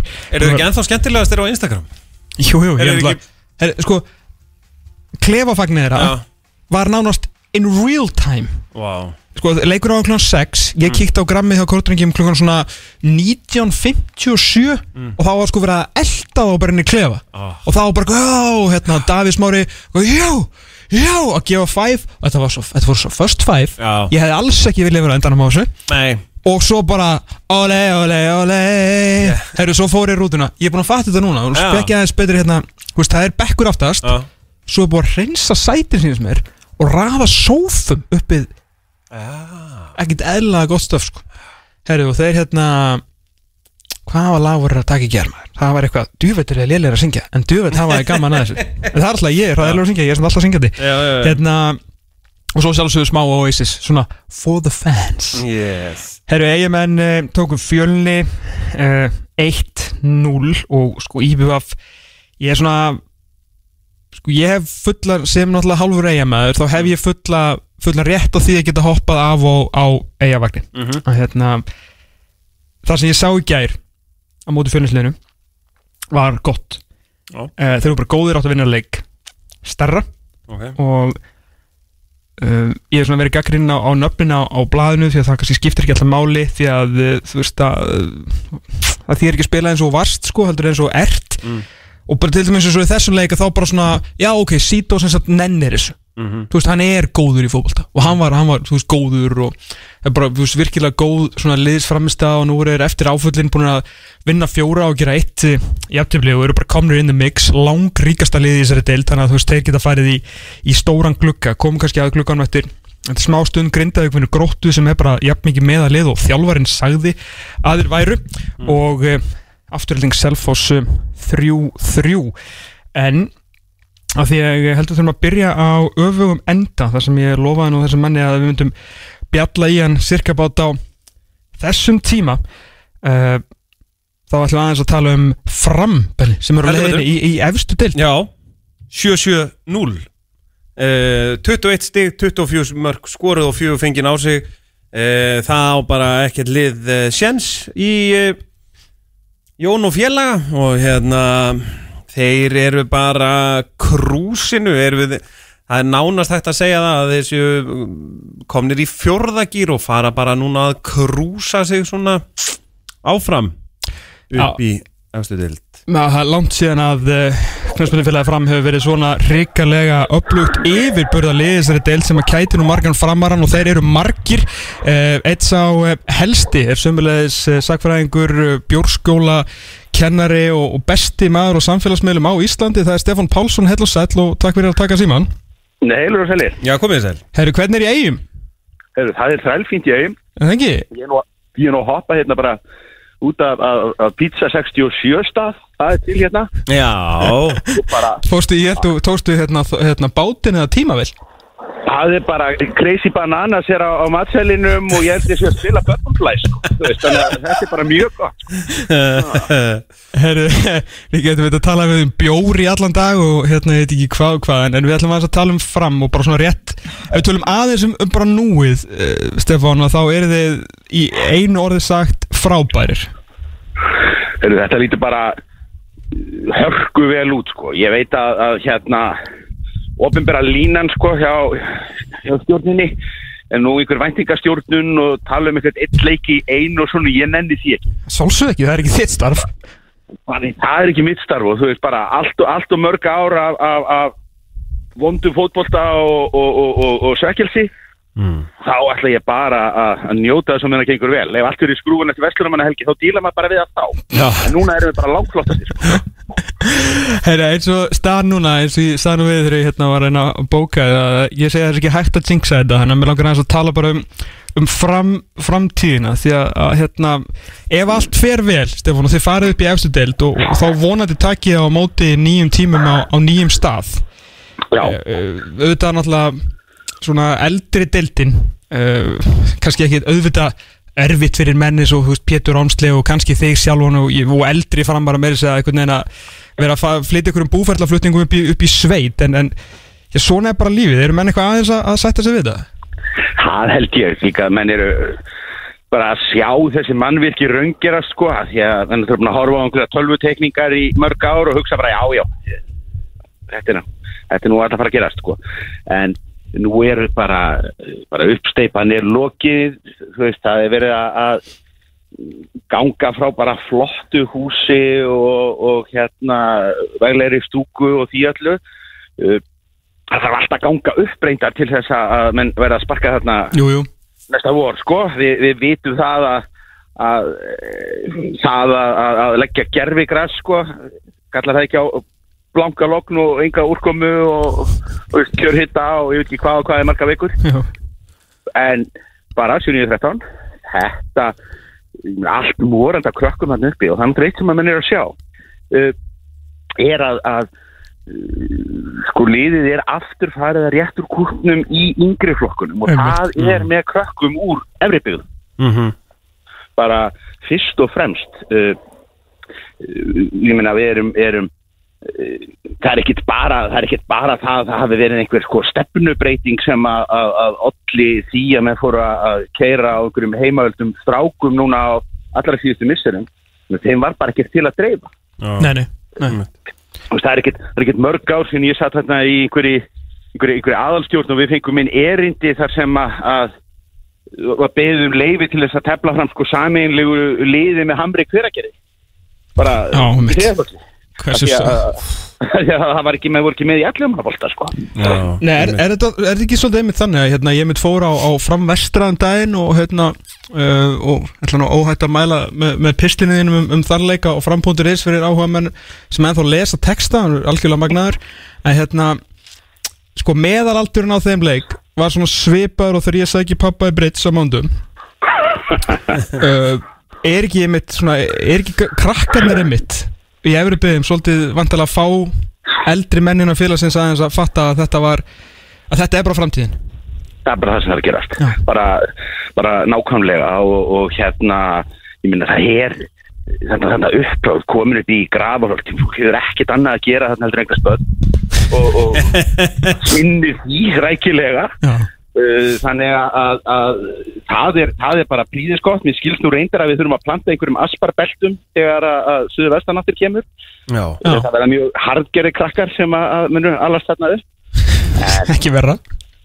Það er ekkit, það er ekkit verra. Og svo verða bara hérna darbileikir við, við hérna fjölni og, og, og afturöldingu Er, er þú sjálfur búin að taka einhverjum höfafarsbreytingum? Varstu, tókstu gamla framar að ná þetta fyrst, skilu? Er, er þú búin að snúast með vindið? Sko, Stefán er náttúrulega valsari eiginlega í dag, sko, það er náttúrulega má ekki glemma því. Næ, nei, ég, hérna, ég held en ég hef ald- aldrei verið staðin að því segja fram valur sko. Sama hér. Man, man læri bara nöfnin á öllum grísunum sko. Fattast með einstaklinga sko. uh, Nei, veistu, ég uh, let samfélast mjög snemma bara af uh, bara sko tölfræðinni og, og, og, og staðrindum vegna þess að þetta er náttúrulega svo mikil trengsl uh, það hafði áhrif þegar að þróttarandir fara úr því að vera bara uh, í, í hérna óakverfinu hérna og bara á, innaðsvæðinu nýra á höfn inn í laugadalinn uh, það, er, það er alltaf að minka hverfin sem að, að svæði sem að, að, að börn sækja í íþróttir. Og það sem að, að held mönnum gangandi mjög lengi ástæðan fyrir því að framgat er þetta sterk í þetta fámennu hverfi var það að við hýrstum bara öll börnin úr útkörfunum með strætó sem að stoppaði allur við kríluna uh, svo bara þegar að, að uh, þau lið fara bara aðeins að ná máli sko, þegar að, að uh, þegar bara breyþólsliðin fara að eflast uh, fylgir fleiri, fleiri slíklið þá bara hætti þessi stöðu í ströymur af krökkum inn í Safamýri sem áður var. Mhm. og bara við því erum að það er bara veruleiki, það, kemur ekkert aftur sko. Nei, nei, einmitt, einmitt. Já, þannig að þetta er sannlega tekið teki stakka skiptum en svo kannski önnur stór breyta í þessu er, já, þjálfarin því að þetta virkaði ekki út og við, virkaði þetta ekki, ekki sexy ráning svona til að, til að byrja með? Því að það var búið að ganga illa Pétur Pétursson ápna að vera, vera þarna auðvitað með, hérna, fekk við að Guðvarsson alltaf sem aðstofþjálfur hérna í, í smástund. Uh, og, og, og um beðin ráðgjöf óumbyggð einrændar en, hérna, við erum hundar satt margt sem óumbyggð eh, og, og fleiri þjálfarar sem ekki, ekki, ekki gengi upp. Þá er einhvern veginn farið eins og lítur út út á við, bara, já, ég er bara í annarflókstjálfaran og þetta leit út eins og einhver uppgjöf en varð í staðinn bara einhver besta ráning í efstu tveimundöldum á Íslandi undanfærin fimm ár? Ég, ég er alveg sammála, sammála því og ég, ég hef svo sem líka daldið uh, ég hef alltaf, alltaf sagt vanandi þessa, þessa, þessa deild að menn far ekkert menn, menn far ekkert upp úr henni á meðan þeir eru sko uppfullir af því að, að eh, þeir séu bara of stórir og, og, og merkilegir. Nei, það var Eh, margir þeirra- fallið á því sko. Það er rosalega algengt við og þú bara lítir á að þetta sé bara svona já, svona tí, tímabundin eh, tímabundin ástand, bara eitthvað slís sem að hljóti bara að- að að leiðréttast að sjálfur sér. Mm og ef þú ferð með það attitút inn í svona deild þá er þetta bara fastur. Já. og, og, og það var það sem að þess vegna það að ímis konar svona æfintýra mennska sem að var uh, reynd uh, efnilegasti ungi þjálfari Portugals og, og, og ég veit ekki hvað og hvað. Á eigin sök. Já, það var, var með frábær meðmálabref frábær meðmálabref bara frá aðstöðum jú, jú. Uh, þannig að, að þetta var bara þetta var bara hérna back to the basics sko. Og, og eins og þú segir eh, hérna eh, Gilvi Orrason er ekkert að- rífa kjátt og, og, og, og, og, og æsa sig yfir, yfir ákvörðunum nonna. Nei, nei, hann er löngu búin að vinna sér inn bara, þú veist, bara þegi, ég skal bara græða þetta sko. Já uh, náttúrulega alveg ókleimalegu leikmaður sjálfur sko, hann, hann hafði nú ekki trú á uh, og, og, og í rauninni náttúrulega sko langt á henni undan, undan sinni samtíð því að hann var bara á, hans tíma þegar að, nonni var að spila þá áttu náttúrulega bara varnamenn að, hreinsa í burtu. Sparka út af og, og, og, og ekki vera að taka bolta nýður og vera með einhverjar æfingar og taka menn áinn í teg og svona. Nei, og stýtti nú öruglega hérna já, ja, hreins, hreinsaður kransæðum all nokkura framara á sínum tíma. Mhm. En, en hann bara blómstrar í, í, í þessu, þessu þjálfarahlutverki Hann, hann spilaði, eh, veist, hann er einn uh, leikjahæsti leikmaður fram, er það ekki? Veist, hann spilar alveg 300 pluss, er það ekki? það er einhver, einhver geysilegan geysilegar fjölda sko uh, sem að og það, það náttúrulega bara í tíulega deild Já. uh, skaust nú, fóru nú út til Bandaríkjana og ég held að hann hafi endað í, í, í innanúrsteildin í Mexiko sem var nú svona sniðut af á CV-inu Já. ah, en, Hver, vil ekki uh, spila í fútsal í Mexiko? Ég bara, þetta er, þetta er, þetta er bara draumur sko hmm. og, og þetta teimi líka því að ég nýráðin yfir maður knaspindumóla þarna uh, maðurinn svona sem að ég kýsa að kalla arkitektin í, í gráðuroltinu uh, gamli vikingsleikmaðurinn og utan alltaf aðstofþjálfur fram í dag Arsteinn Aðalstinsson meðan báðir eh, hann var nú ekki síðri leikmaður hann var frábær leikmaður þannig að báðir eiga rosa flotta ferla þeir eru kannski aðeins og gamli fyrir svona ég kannski jafnvel bara mína kynnsló til að muna eftir, eftir þannig en þú veist þetta voru alvöru playera sem að vita alveg hvað þú veist, þarf til, ég meina, veist, og fyrir auðvitað það að hvað er að virast að bara góð tök á þessu og góði talentspottarar, gefa réttum heimamönnum tækifæri og þeir eru bara svo alveg með þetta, sko. brenna líka alveg fyrir þessu Já, já. tók eftir í sko þegar að þegar að- að að- aðalstitt var sko farin að rífa upp þarna sko venslaliðið úlfana Já, einmitt. hvað það var orðið bara það, það var bara tekið af, af, af sum, sama krafti bara og, og liðið í næstafstu deild sko Já. hmm.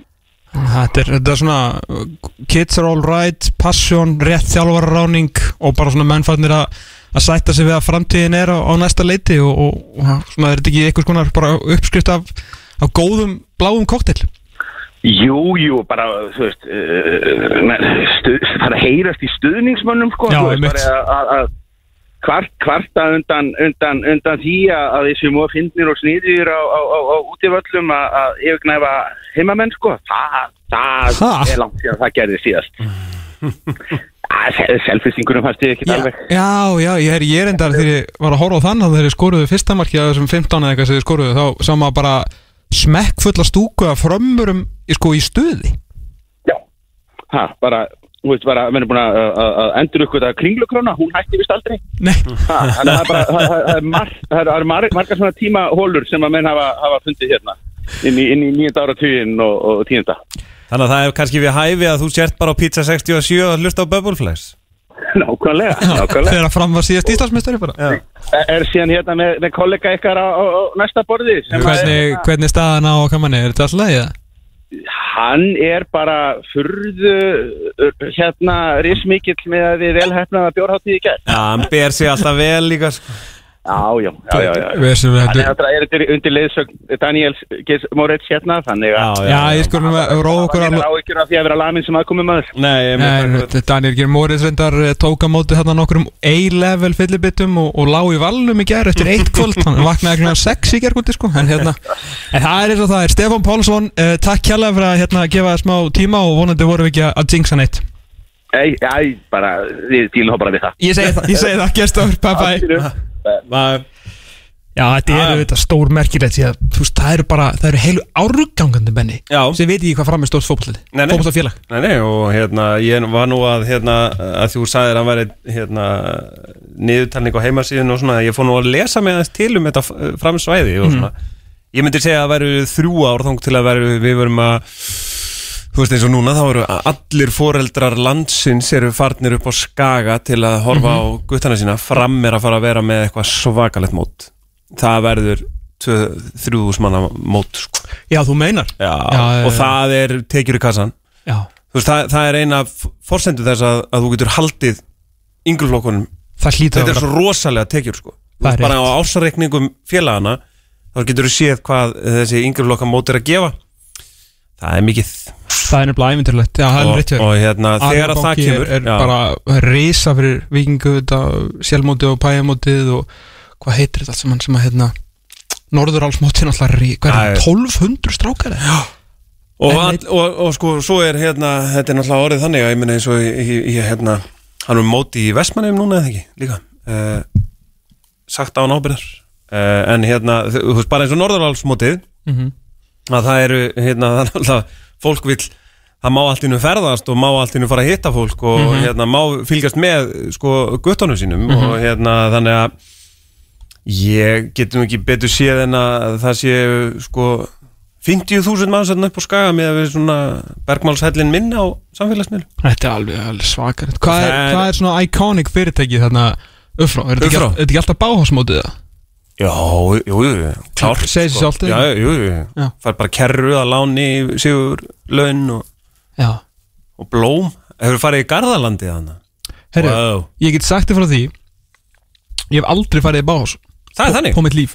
Ég hef, fór, ég hef farið einu sinni gegnum hérna timbur Já, Gaurinn, en þá satt ég í, nei, ég stór undur upp. Ég hef farið einu sinni í timburgæðin Mm. Ég hef aldrei stíðið fætin í búðina. Já, ok En einu sinni reynda lögu við því að við værum á opnun Báhás Hér þegar við vorum í þættinum Jú, jú. Og það var gestur sem að fór þangað upp yfir. Spurði hvað það vorum Það var mjög fyndið Herru, já, bara réttir kannski lúka þessi með lengjudeldina, afturhelding 3, Selfoss 3 Herru, Gary Martin spilaði upp á topp og skoraði bara tvö mörg. Það er eins og sé bara eitthvað betri nýja eftir en tíja Merkilegt. Merkileg uh, Afturhelding, uh, annar marki sem afturhelding skoraði var algjörlega geggjað En þeir eru rosalega slakir í vörd því miður um, En mörkin hjá, hjá Gary bæði mjög góð En reyndar öll mörkin hjá afturheldingu sömulegis góð Grindavík þinn maður Björsi Já í fínum málum mm með hérna með grindavíkurliðið eh, bara í alvöru topparatu, gróta ekki, ekki alveg náðu góð en það var eitt svona sko, íbjöð á fjölnir fannst mér að fannst að það var og er og ekkert mér fannst það ekki bara það var þetta stóru leikur því að fjölnir er komið hann í fimmta seti Mhm. þegar ég var hérna eftir einhverja tværum fyrir að spá fjölni upp Mm. Ja, með svona, ég sagði, mér leið svona best á það að þeir myndu fara með framrunum upp, þá er ég alltaf byggjað það á því að ég var nýbúin að sjá að spila einhverja tvo leiki, ég er búin að fá þessi eitt mark með Baldur Sigursson í vörninni Dóra Snorrason í vörninni Alistair Freyr Sindrason sem að þú veist, jú, jú, geta verið fítandi við hliðin á Baldri. Eitt besta markurinn í deildinni þrátt fyrir að ungur sé nokkur reyndan, margir leikjur undir belti hjá Arnur Breka í vinstri bakurinnum og ég bara var ekkert að fara að sjá fánett mörg mörg á sig og síðan náttúrulega er þið með allan þennan her af þessum ungu talentu fram á við og búin að sækja markaskora í Andrá Flandri og Mósabú Mm. sko ég get ekki búið að sko eiginlega þar sem ég sagði nánast svona hefur staðist því að á eftir ofurliði fram hefur fjölnir fengið á sig næst fæst mörkin í deildri en sex mörk í sjöleikim Mhm. en þeir skora anskotin ekki neitt Nei og þess allir þessi, þessi ungi hér hvort þeir heita Jóhann eða Valdimar eða, eða þú veist, ég veit ekki þú veist, Tristan Breki eða hvað hérna, Mm. eru með sko Hallvarður Óskar hvað sem þeir allir heita Mm. fullt af upplugum hérna ungum strangum með náttúrulega síðan reynsluboltan hann að gumma kalla Mhm. þeir hafa bara ollið miklu ombrið það sem aðver þessi, þessi ungu strákar hafa ekki tekið skrefið upp í það að vera svona einhverju lítirar sem að geta svona klára leikina fyrir aftan þessa hjálka hann sem er að reyna hvað er geta til þess að, að halda hreinu Mhm. ég hef ekkit að veiti sé frá hérna Jóhann Átna sem að vera besti leikmann í þess að deild myndi margir halda. Mm. Hallvar Róskar, Valdimar, allir þessi strákar ég bara, ég auglýsi eftir þeim. Af því að þetta fjölninslið fyrir ekki upp nema þeir fara að skora því að þeir geta alveg haldið áfram að, að fá á sig 0 til 1 marki leik en þetta er ekki að fara að ganga upp sko. Og það er svona maður er svona nett svektur bara með það svolítið pyrrar því að maður er hrifin þeim og sérstaklega Jóhann sem að ef nú búin að vera hérna eitt á uppáhaldi þáttur er svona í 5 ár þrátt fyrir að vera bara fættur 2001 sko. Mhm. og hérna, hérna já. Það kom eitt Jú, hann er að koma á áru víti jöfnumarki á móti afturlíku þannig að ég er svona aðeins að aðeins að aðeins að auðvitað þeim. Ekki, er ekki, ekki, En hvernig var þessi leikur gerð? Var þetta, var, það var ekki mikil Þetta var ekki ris mikil leikur? Í beðu fjölnir Já eigamennin voru bara miklu betri. Það er bara þannig. Já, miklu betri. Og hérna, já, bara, bara mjög öflugir og eins og segja Sító uh, Sító flottur og hafa bara hafa margt í gangi hérna hjá, hjá eigamennunum og ég er bara ánægð fyrir hann með hérna, Helga. Uh, maður sá þetta líka alveg gerast þegar Gauði Lýðs færi svona að koma aðeins meira inn í þetta. Að það hefur náttúrulega vanta rosa mikið umf inn í þetta eigalið, þetta var alveg ævintirlega flatt í gerð, nei í fyrra, þrátt fyrir að vera með og líka bara í byrjun mót, sko, ég náttúrulega byrjar í banni og svona og Mm. þeir klúra þetta vítaspinna mótið Þór eh, þú veist, manni fleiri násamt að vinna það í uppbóta tíma þeir að klára núna eh, toppslag eða svona efri hlutaslag móti, móti fjölni, eins og segi, fjóri sigrar af, af, af fimm, eitt í veist, þannig að þú veist, þetta er svona að trekkjast í gangjaðum, sko Já.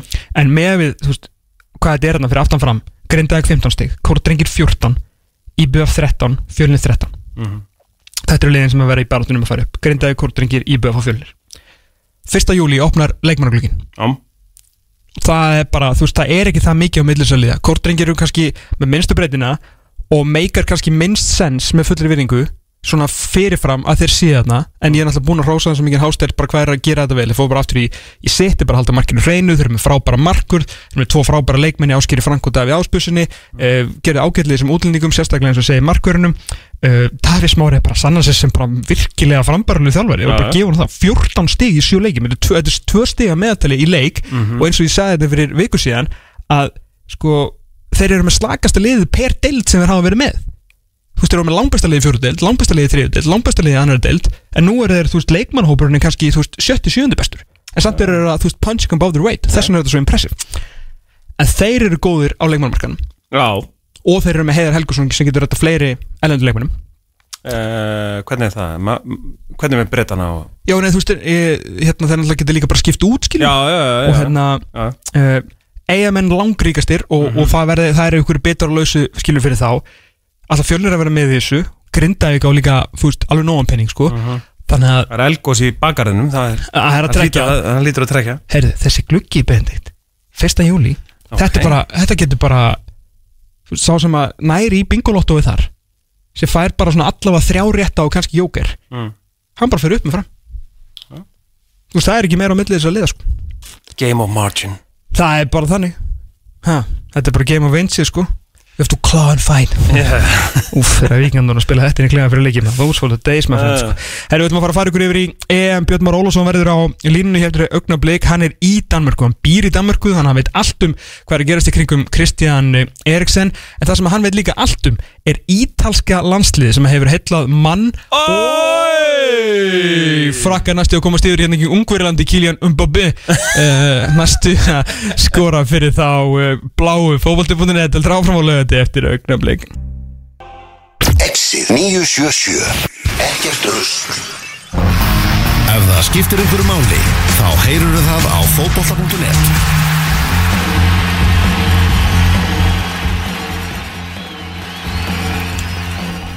Já, eitthvað minna um uh, músík þennan Já. lögadaginn og meira af uh, tali um fótbolta eins og þetta á að uh, vera. Við ætlum að fara að færa okkur yfir í Europamótið sem er í fullu svingi. Leikur Ungveri á frakka er hafinn á stöðusport M 21-22 á klukkunni Ungveriland 0 Frakland 0. Það er margt að ræða í, í kringum þetta en það held ég að það dilst engum að uh, besta lið keppnar til eh, þessa allavega svona það eh, svona sem hefur heilla mest er Ítalja sem að eh, er búið að vera á því líkum skriði undir stjórn um, Roberto Mancini uh, og við ætlum að heyra hérna í okkar helsta sérfræðingi sem er þetta data af linni en en ítalska lið Benny, Já, það þráttur að þú veist, þráttur að sástu úslitin komand inn í mótið hefur þetta mm. samt farið fram á vendingum? Já, uh, aðalega kannski bara spilamennskan uh, kannski aðalega líka uh, svona um, þeir eru að gera þetta með svolítið stíl þeir eru að gera þetta, það er svolítið ítalst þetta er minnir að uh, sko Mancini er hann bara flottastur á hliðalínunni, ber jakkafötin langbest uh, og mm, já, ég er bara svona ég var að reikna samt sko úslitin eða sagt leið þeirra í úslitaleikin og hún er all svakaleg uh, það er runni Er þannig þetta að Björn Mára? er það komin? Woo! Já, Já, blessa, blessaði, blessaði, blessaði Ringdi þú inn það? Já, Geggjör Ah, vel Já, ég veit að hann datta línu þess vegna væri ég sá ég hérna á línu 2 og ég veit kann ekki dós að taka Herru, hvernig ertu Björn? herru, ljúmandi góður. En það Er ekki? það ekki? Hvernig er staðan í, í, í Köpenhán? Það er náttúrulega bara mikil eigin Já, Það gefur að skilja, og ekki bara það og er 30 stegi hitti og sól og Ah. þeir úti og, og bara ríkilega gott ur hér hefur sólin ekki skinnið uh, Er ekki búin að sjá hérna nýja, nýja Facebook brandarann? Nei. Það verða 30 gráði hiti í þessari viku.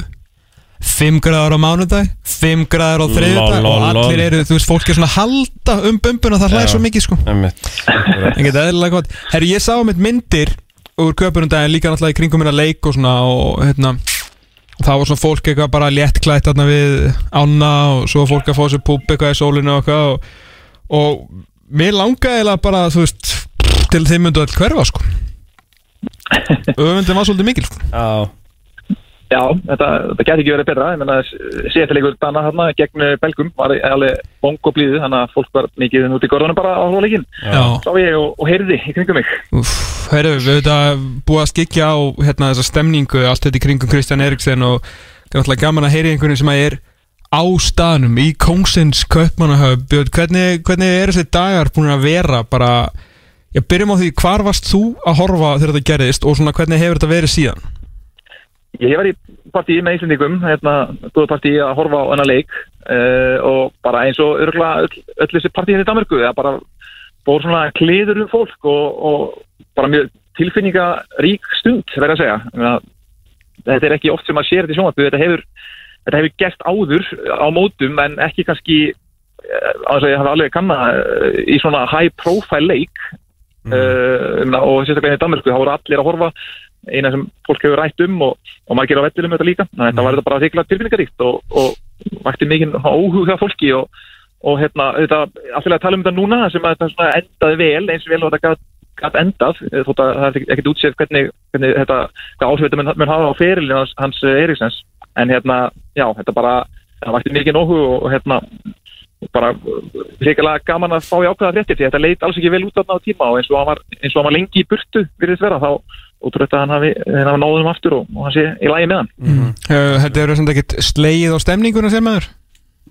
Jú og ég eiginlega fyrir Belgíuleikinu var svona eiginlega búin að afskrifa Dani veist, eh, bara aðeinlegum ástæðum hvort sem þeir myndu vinna Belga eða ekki það held ég einhvern veginn að það er döft yfir þessu þeir eru svona tekið af, svona, af einhverju svona virðingu og, og menn e, sama hvernig menn myndu standa sig þá hefur alltaf fengið stort klapp á bakið og, og, og hérna, og ekkert nema að þakklæti og hlýja ströyma frá dönsku þjóðinni en hérna en svo þetta bara þessi leikur það mútið belgum bara þegar flottur hjá þeim að miklu, að miklu leiti og hérna áttu, áttu meira skilu út úr honum. Þannig að það kannski svona kveikta aftur svolítið neistan og, og, og sínir að hann er geta alveg og er ennþá í byrjandi sem að komast upp úr þessu rili. Þannig að það er þetta bara frábært og og, og eins og mikið búið að fjallum til Danmarku og, og, og líka Ítalíu sem er komin á eftir. Bæði eh, Kristján Eriksen auðvitað að spila hjá Inter og Simon Kjær fyrirliðin sem að fekk mikla eh, mikið hrós fyrir mm -hmm. sín við, við því þegar hann fjall niður hérna er spilar þetta í, í hinuleginu í Milanaborg og hérna hann hefur fengið mikið hrós í dansku fjölmjölum og í, og í ítalsku fjölmjölum sá hérna uh, eftir í gasetunni daginn eftir leikin þá fekk uh, Simon Kjær nýju fyrir framistöðu sína sem er vantalega fyrir, fyrir viðbröð hans við því sem gerðist mm. -hmm. kannski ég vil ekki sko hvað einhvern uh, Kristján Eriksson fekk Uh, hann fekk tíu nei, hann fekk 6-5 Hver fekk 6-5? Eriksen Já, Eriksson, 6-5 Það- þeir voru Hvað fyrir að klára ekki leikin eða? já, bara 6-5 uh, sæmileg framistöða sögðu, sögðu menn þar en hérna en, e, Kjær fekk hvað menn eru frammistöðu, þannig að að þetta er svolítið- sérstakt en hérna nei, nei, en, en held yfir bara eh, þetta Danir flikjast á bakvið sínu liði og, og hafa, hafa og saman hvernig þeir, þá, þá munur hérna, ganga stoltir frá borði en, en gaman að þessum Belgíuleik og, og eins og þeir eru ennþá í byrjandi séns og þurfa bara að vinna rúsa hérna, kannski með tömum mörgum og þá, þá er þeir bara komin áfram þannig að það uh, partíi mun geta haldið áfram hérna í, í hérna, uh, þótt að þessi, þessi baksaga sé auðvitað alltaf svona hangandi yfir öllu Já.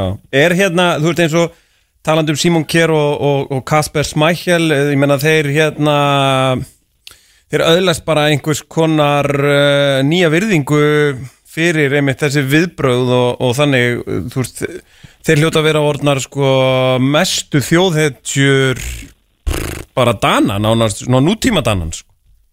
Já, klálega og, og með að danska landsliði þú veist, eh, þetta er mjög samt millir landa hversu vinsalt landsliðin hversu vinsalt landsliðin eru Já, einmitt þú veist, Ítalíu hefur ekkert landslið alltaf verið eitthvað voða, voða vinsalt en í Danmörku, þú veist, eh, alveg saman eitthvað íþjótt er, þeir flikja sér á baki sínu liði alveg, alveg sama hvað það er og þannig að það er, já, það er bara óumdeldir hérna, vinsalastum með Danmörkur um þessar myndir og, og þetta bara hafa eh, réttilega gert, gert mikið úr því eins og þessum, viðbröðum sem að sker og, og, danska landslýshópnum með þetta sem stóð hérna vörð utanum, utanum sinn mann og, og síðan eh, þetta geði eitt náttúrulega bara að fá það fréttir að það virðist verið lægi með Eriksson og svo verður þetta bara komið ljós með framhaldi hvernig, hva- hvað áhrif þetta mun hafa á fyrirlands. En hérna, jú, þeir, þeir eru búin að spila sinni í, í hjörtu dana ef þeir, ef þeir voru það ekki fyrir. Já, já, Hversu astnælega líta mínu menn í Brasilíu út núna eftir hérna, þegar Neymar meitti sig og þeir misteg sig og Já, misteg sig og, og þeir mættu hérna með Neymar bólunum eins og hann hefði bara verið dáin og töpuðu 7-1 að búa til, þú veist eitthvað dramatík í kringum eitthvað meðsli í fótbolta. Þú veist, Kristján Eriksson var stýði dáin sko. Hann dó mér Já, hann dó. Já, já, já, að vissulega Neymar reynda bakbrotnaði sko, þannig að það er svona- hefði getað endað Já, svona já, vel, þú veist, Ég- hann er að spila í Ég dag, sko. Já, já, og menn hafa oft séð þetta, menn slíta krossband og þá eru menn mættir í, í, í, hérna, í bólum eins og það nei, eh, jú, ég er alveg sammálað, en hérna, jú, þetta er, eins og það að þetta hafi enda vel er náttúrulega fyrir öllu og, Að og sjálfsögðu. það var ekkit, það það, það leiti ekki þannig út á tímabili að maður sé líki svona lengi í, í burtu eh, í, hérna, í handan heiminum, það er ekkit, ekkit sjálfgefið að hann komið tilbaka, þannig að það er þetta bara algjör bara stókuslega fréttir og, og hefur lift stemningunni mjög mikið, það var í allt önnu stemning hérna, fyrir að fyrir það ef, að- ef, að, hérna, ef þetta er farið á vestaveg þannig að Fyrir maður að tala um, um, um fótbolta uh, Já. Sko, það er uh, eins og flestir vita sem að, sem að fylgjast með uh, íþrótta hlaðvörpum þá ert þú uh, með uh, ítalska boltan og ert sérfræðingur Íslands nummer 1, 2 og 3 um uh, ítalsku knasputuna og ert eini maðurinn held ég á landinu ásamt veru ídlaðadóttur sem bara svona einn með hlaðvarp sem er gríðarlega verið verðt hérna, ítalska landsliðið búið að vera á, á svakalega fínu róli. Alveg nokkri sem voru svona merkja á sem svarta hesta fyrir mót en þeir hafa heldur betur heillað, komið mörgum óvart en hafa þeir komið þér óvart? Eða eru þeir bara nákvæmlega svona góður Já, kannski ekki komið mjög ekki óvart kannski með að við sko anstæðingar sem þeir hafa mætt. En ég menna Mm. til að byrja með uh, þeir lendi frekar auðvöndum reyli og hérna, það verður bara að segja til að byrja með og hérna, hafa farið gegnum svo tvo leiki alveg bara þessi leiki voru spilað en ánast, voru ánast fullkomnir fyrir liðið. Og hérna bara eftir að Andrea Bocelli söng hérna Vincero, Vincero fyrir, fyrir fyrsta leikin þá hafa þeir gert nákvæmlega það bara unnið og unnið og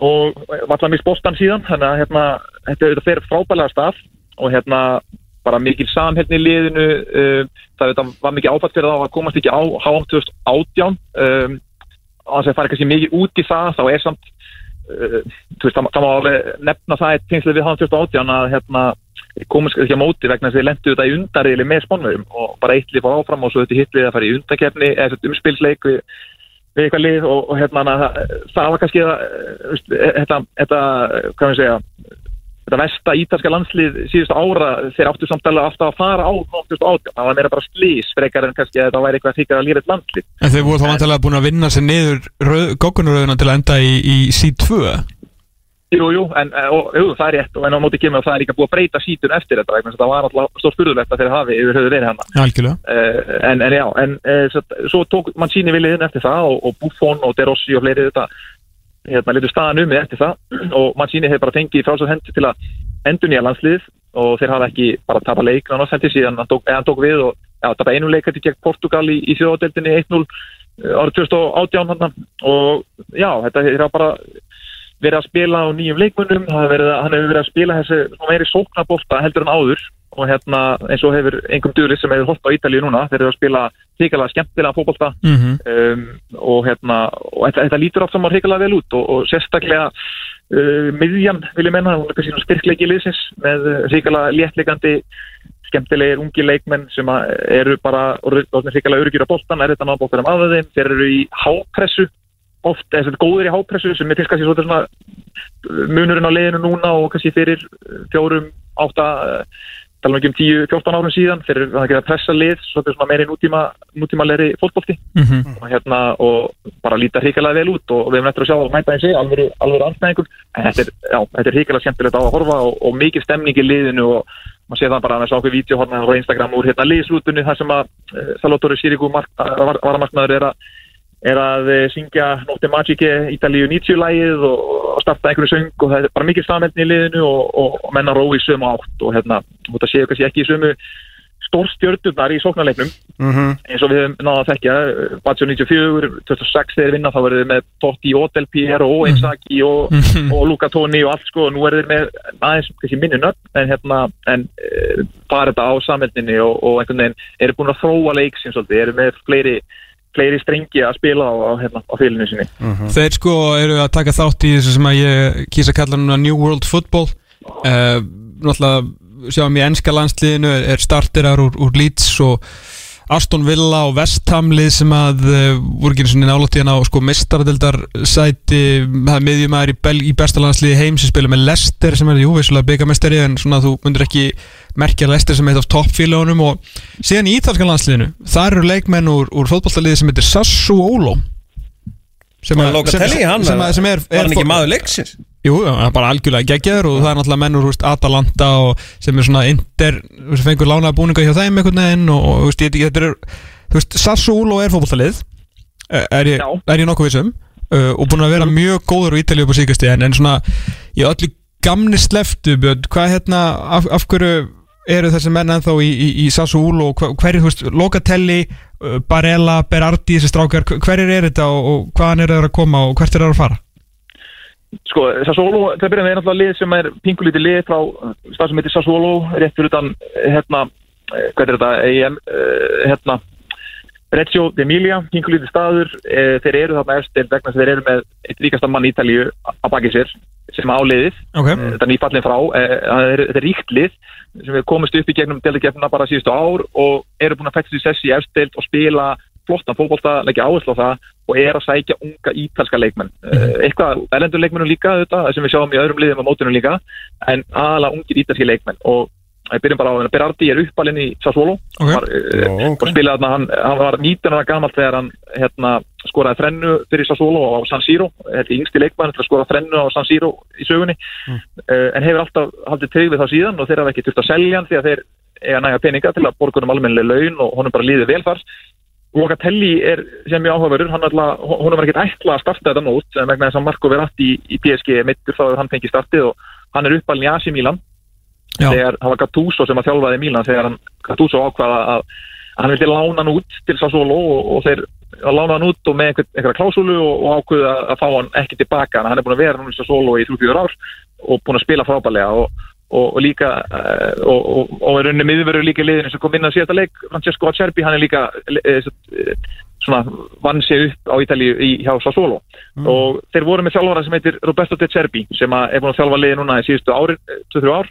Spila frábæran svona sóknabólta er mikill pepp aðdáðandi uh, eitt svona efnilegasti þjálfar í Ítalíu. Hann var núna að hætta og taka við liði Sjaktar í, í Úkræðinu kemur óvart að hann hafi ekki fengið lið á Ítalíu en kannski ekki alveg hann, eh, stóru liðin kannski vildi ekki alveg taka sensin á hann. Mm. en uh, já, hann hefur fengið bara tíma til að það er engin pressa á honum, hann uh, fær að spila sinn bolta, þróa sinn leik og hefur þess að vera að þróa og búa til þessa frábæru ungu ítalsku leikmenn sem voru uh, Locatelli, Berardi og, og, og, og svo Acerbi í vörninni. Og, og svo eru líka annað, þjálfari sem hefur áhrif á þetta lið og það er gamli sóknar sinnaði þjálfarin Stenek Seman sem að hérna á sínum tíma uh, Marco Verratti, Immobile og Lorenzo Insigne, alla hjá Pescara. Þeir hefur voru umkringum tvítugt og svona hann uppgötaði þá þrjá komstum á kortið, þannig að það er þeir, þeir þjálfara kannski sem eiga svona, er með mestu fingraföð sína á þessu liði, mm. þá er mjög sóknar sinnaðir og, og hrikalega gaman að sjá eins og hversi sóknar sinnaði þessu bolti er. Um, og, og svo vörninni þá eru þeir með gamla bandið eða eld, eld, eld gamla bandið sem að læra þetta, já, Chiellini og Bonucci tveir af hennu legendary BBC tríói með, með Barsali og hérna, og þeir, uh, já, Chiellini alltaf fór meitur út af síðasta leik en þeir þetta kunna þetta allt upp á tíu og gefa liðinu svona aðeins meiri pondus og, og aðeins meiri reynslu. Og hérna bara lítur hrikalega vel út í, í alla staði hinga til.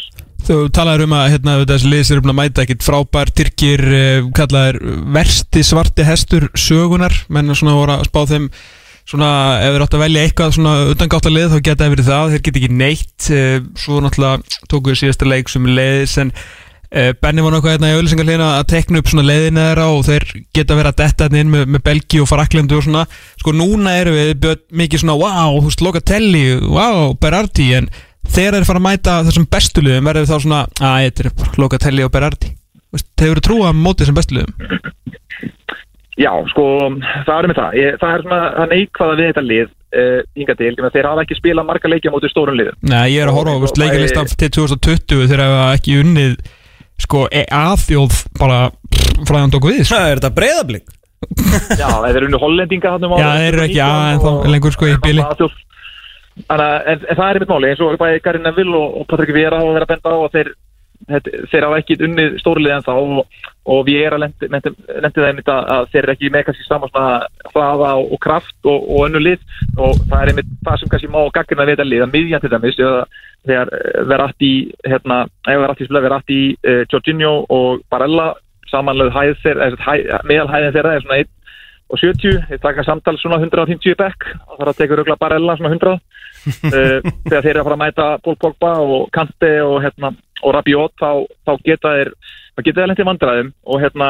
það er svona stóra spurningamerki en, en þetta er það spurningamerki þeir, þeir hafa ja, þeir hafa bara ekki spilað leikið við þannig lið og hérna, við vitum ekki hvernig þeir bregðast við en, og, og sama gildir með þessa, alla þessa leikmenn sem hafa verið að spila svona frábælega Berardi, hann frábær leikmaður, útrúlega skemmtilega, skemmtilega að horfa en hann hefur ekki spilað stórleik, hann hefur vallað að spila þetta í Evrópuleik bara á æfinni örfá held ég og, og, og sama með Lorenzo Vinsinni, þetta er maður sem er fyrir Napoli kannski þekktur fyrir að tjóka svolítið í stóru leikjónum Mhm. í móbíla, hefur ekki meikað það í stóru leikjónum uh, með þess að vera afti gaggrind fyrir að, að í stóru leikjónum þá er alltaf einhvern veginn, finnur hann einhver, einhver umbyggja meðsli aftur en læri og það út af eða, eða veist, að það er spurningamerki en á móti ekki með þeir eru líka með backup leikmenn sem ég, þeir gæti alveg sett inn á en það móti, ef þeir mæta frökkum þá getur þeir sett inn á Brian Cristante sem er talsett stærri líka ef þeir myndu mæta liðin svo frökkum með englendingu þá þurfa það kannski meira hæð líka til að geta dekka þessu leikadriðin. Þá, þá er þeir með aðeins meiri breytt og, og við fáum að sjá á morgun gegn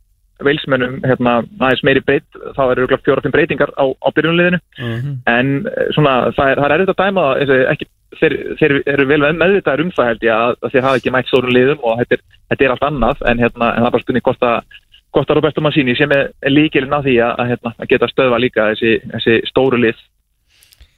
Svo sannlega, þetta er uh, frábæri Ég bjóst svo ekki vinnin öðru ég fa- fara að fá þið til að tala um uh, ítalska boltan sko, hvað hérna, hvað hérna hvað er svona raunhæft hvað er svona raunhæfur draumur hér undanúslit Já, fyrir móti sagði ég að það. Ég, svona, þetta geta að fara allar leið það er ekkert, ekkert títi fyrirstuð og, og hérna, mist, uh, uh, hérna, eins og þeir að unni fyrstu tvo leikina, það var mikið talað um það ekkert við fjölumilum í dag að fyrir leikin á morgun að hérna, þeir ættu nú að reyna að vinna þótt að jafntefli væri kannski uh, menn að tala um svona gamla góða jafntefli sem bæðileg sætta sér við Biscotto, eins og menn, menn þekkja hérna á Ítalíu Mhm. Eh, menn duttu náttúrulega út þarna 2004 þegar Svíjar og, og Svíjar og Danir gerir 20 jafntefli og það væri kannski bara fínt að gera 20 jafntefli á morgun ég er eiginlega sammála því eh, veit ég, ef menn skoða söguna þá síðast þegar lið uh, á EM eða HM vann alla leikinu sína í riðlinum og vann síðan allt móti, það, það gerist 2002 þegar Brasilíumenn eru hinsmestarar Mhm.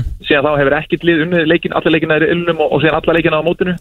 Þannig að það, það er allt í lægi að, að, prófa aðeins nýtt á móti vilsverum og, og aðeins svona rótverða og sjá hvaða leikmenn eru, eru tilbúinir í þetta.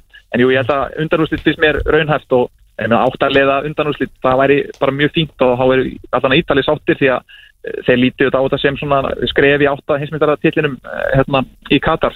Uh, hann er, mann síni er búin að endur nýja samningin og verður þjálfari fram með það mót. Hann var bara nýlega búin að gera það. Mm. og, og eh, Ítalið eru náttúrulega sögulega að vinna ekkit oft Europamótið þegar það var einu sinni unnið fyrir mjög lengur síðan. Hann var tapað í úrstæðleikjum bæði 2012 og, og, árið 2000 þannig að þeir, ég held að þeir líta á þetta sem svona endun, svona kynnslóða skipti og, og endur nýjun og hérna og margir þessu leikmunum þetta á frábærum aldri. Þeir eru 23-4 ára og, og hérna en undanúrslit væri, væri flott en, en þegar þetta komir í undanúrslit þá er, er stutt í í úrslitaleikin og þeir, þeir geta unni hvaða leið sem er. Það, það er alveg just Það verður fróld að fylgjast með þessu Ítalið spila síðasta leiki sinna á morgun klukkan uh, fjögur, allavega hérna heim á Íslandi. Björnmar Ólafsson í betni frá Kongsins Köpen, takk kærlega fyrir að gefa smá tíma, alltaf ánægja.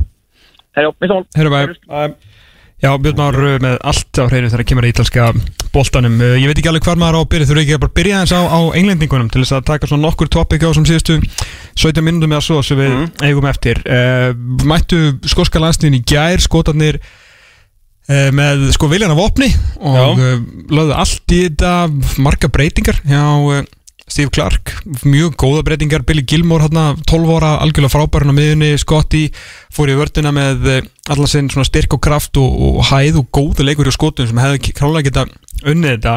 Fannst þér- ha, Fannst þetta að vera vítið á þegar Störling fór niður? Nei, Nei. nei, nei. Sko, England er núna með fjögur stig eftir Já. tvo mjög pragmatíska fótballsalíki og það er allt, allt vittlust núna. Hann á að setja þennan inn á og hann á að setja hinn inn á en það er erfiðasta starf í heiminum er að þjálfa ennska landslið í, í fótballta uh, sko ég, ég veit þetta var ekkert spes í gær. Alls ekki, alls ekki. Mm. en við hverju var fólk að búast? Ég meðan þú veist það er mikið voru að kalla eftir Jadon Sancho og skilur enginn af hverju hann sem að þú veist laði upp 17 mörg eða eitthvað í búndislíkunni var ekki að spila. Alveg skiljanlegt. Uh, Harry Kane ekki sést og, og hérna Raheem Stölling þráttur að hann var ekki góður í gæri skoraði marki og undan því og svona mikið vera gaggrina hvað þið voru hægir fram og menn, þú veist, framherðin átti ekki eh, þú veist, breyk en þetta var bara Gareth Southgate að vera Gareth Southgate að vera, þú veist, hann, hann er bara stórmóta þjálfari Já. hann er búin að vera í stórmóta bransanum í landslisbransanum núna í ykkur, ykkur áratug eftir að hérna, vera með undir 21. landsliðið og hann er alveg búin að stúdira held ég, bara hvað þarf til að vinna svona mót ég meina England síðustu fjóri leikir Englands fyrir mót mm. uh, hérna nei, fyrir ekki, síðustu fjóri leikir Englands. Það er undakefnisleikur á móti Pólandi eða vinnan með einu marki 2-1 þeir taka Östuríki vináttuleik 1-0 þeir taka Rúmeníu vináttuleik 1-0 þeir taka Króatíu í fyrsta leiknum á mótinu 1-0 uh, þeir rauna okkur 4-0 ok, þú veist við gáttum ekki nett á þenn tíma. Uh, þeir eru búin að tapa fyrir Danmörku 1-0 þeir rauna Belga í, í hérna í League 2-1 þeir rauna okkur 1-0 með einhverjum herkjungir í aftifli við Dani 0-0 á, á, á HM þeir rauna eitt leik með, sko fyrir utan Panama grínið þeir rauna eitt leik með tveimörkum sko. Og það var svíjar í áttaljóðslutunum þannig að, þú veist hver, af hverju vonur og vendingar svona mikið að þeir vinni, þú veist, séu að spila einhvern æfintirlan sóknabólta, þú veist, Gareth Southgate er bara búin að draga upp sitt blúprint af því hvernig hann heldur að England geti unnið HM Já. og það er svona. Já. hann er komin í, í double pivot með tvær sexur. Þú veist, hann er að reyna að verja markmið, ma markið, vera pragmatískur hann ætlar að vinna þetta á varnalík, sko. Já. hann er ekki að vera að vinna þetta með einhverjum 5-0 sérum, sko. Nei, ég er að spáðin tapi fyrir tjekum það er ekki sens Ég bara var með það. Ég, bara, ég, ég trúi ekki, sko. En þú veist, það geta alveg verið jættefli, en það var með 5 stig. Hann er bara að reyna að koma sér upp á reyðlinn, sko. Já, já. Það svo ég- byrja bara nýtt mót. Já, en það er náttúrulega eins og, eins og hefur áður verið rætt um að, að D1 í, í hérna 16-lega úslitónum Mhm. að þá er það þannig að einn, eða, sérst, já, D1 mætir uh, F2 Mhm. sem er þá annarkvort uh, Portugal, Frakland eða Þýskaland.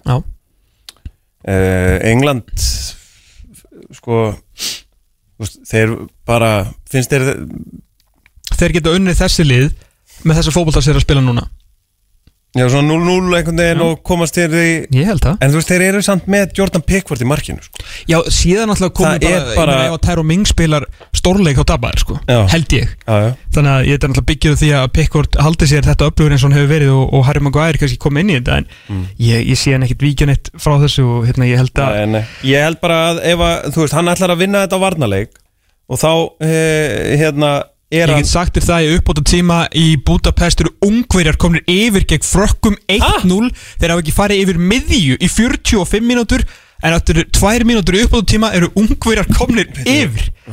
Ótrúlegt. En já, skulum ekki, ekki tapa þræðinum. Já. hérna, landslið er það sem þetta, sem þetta snýst allt saman um sko.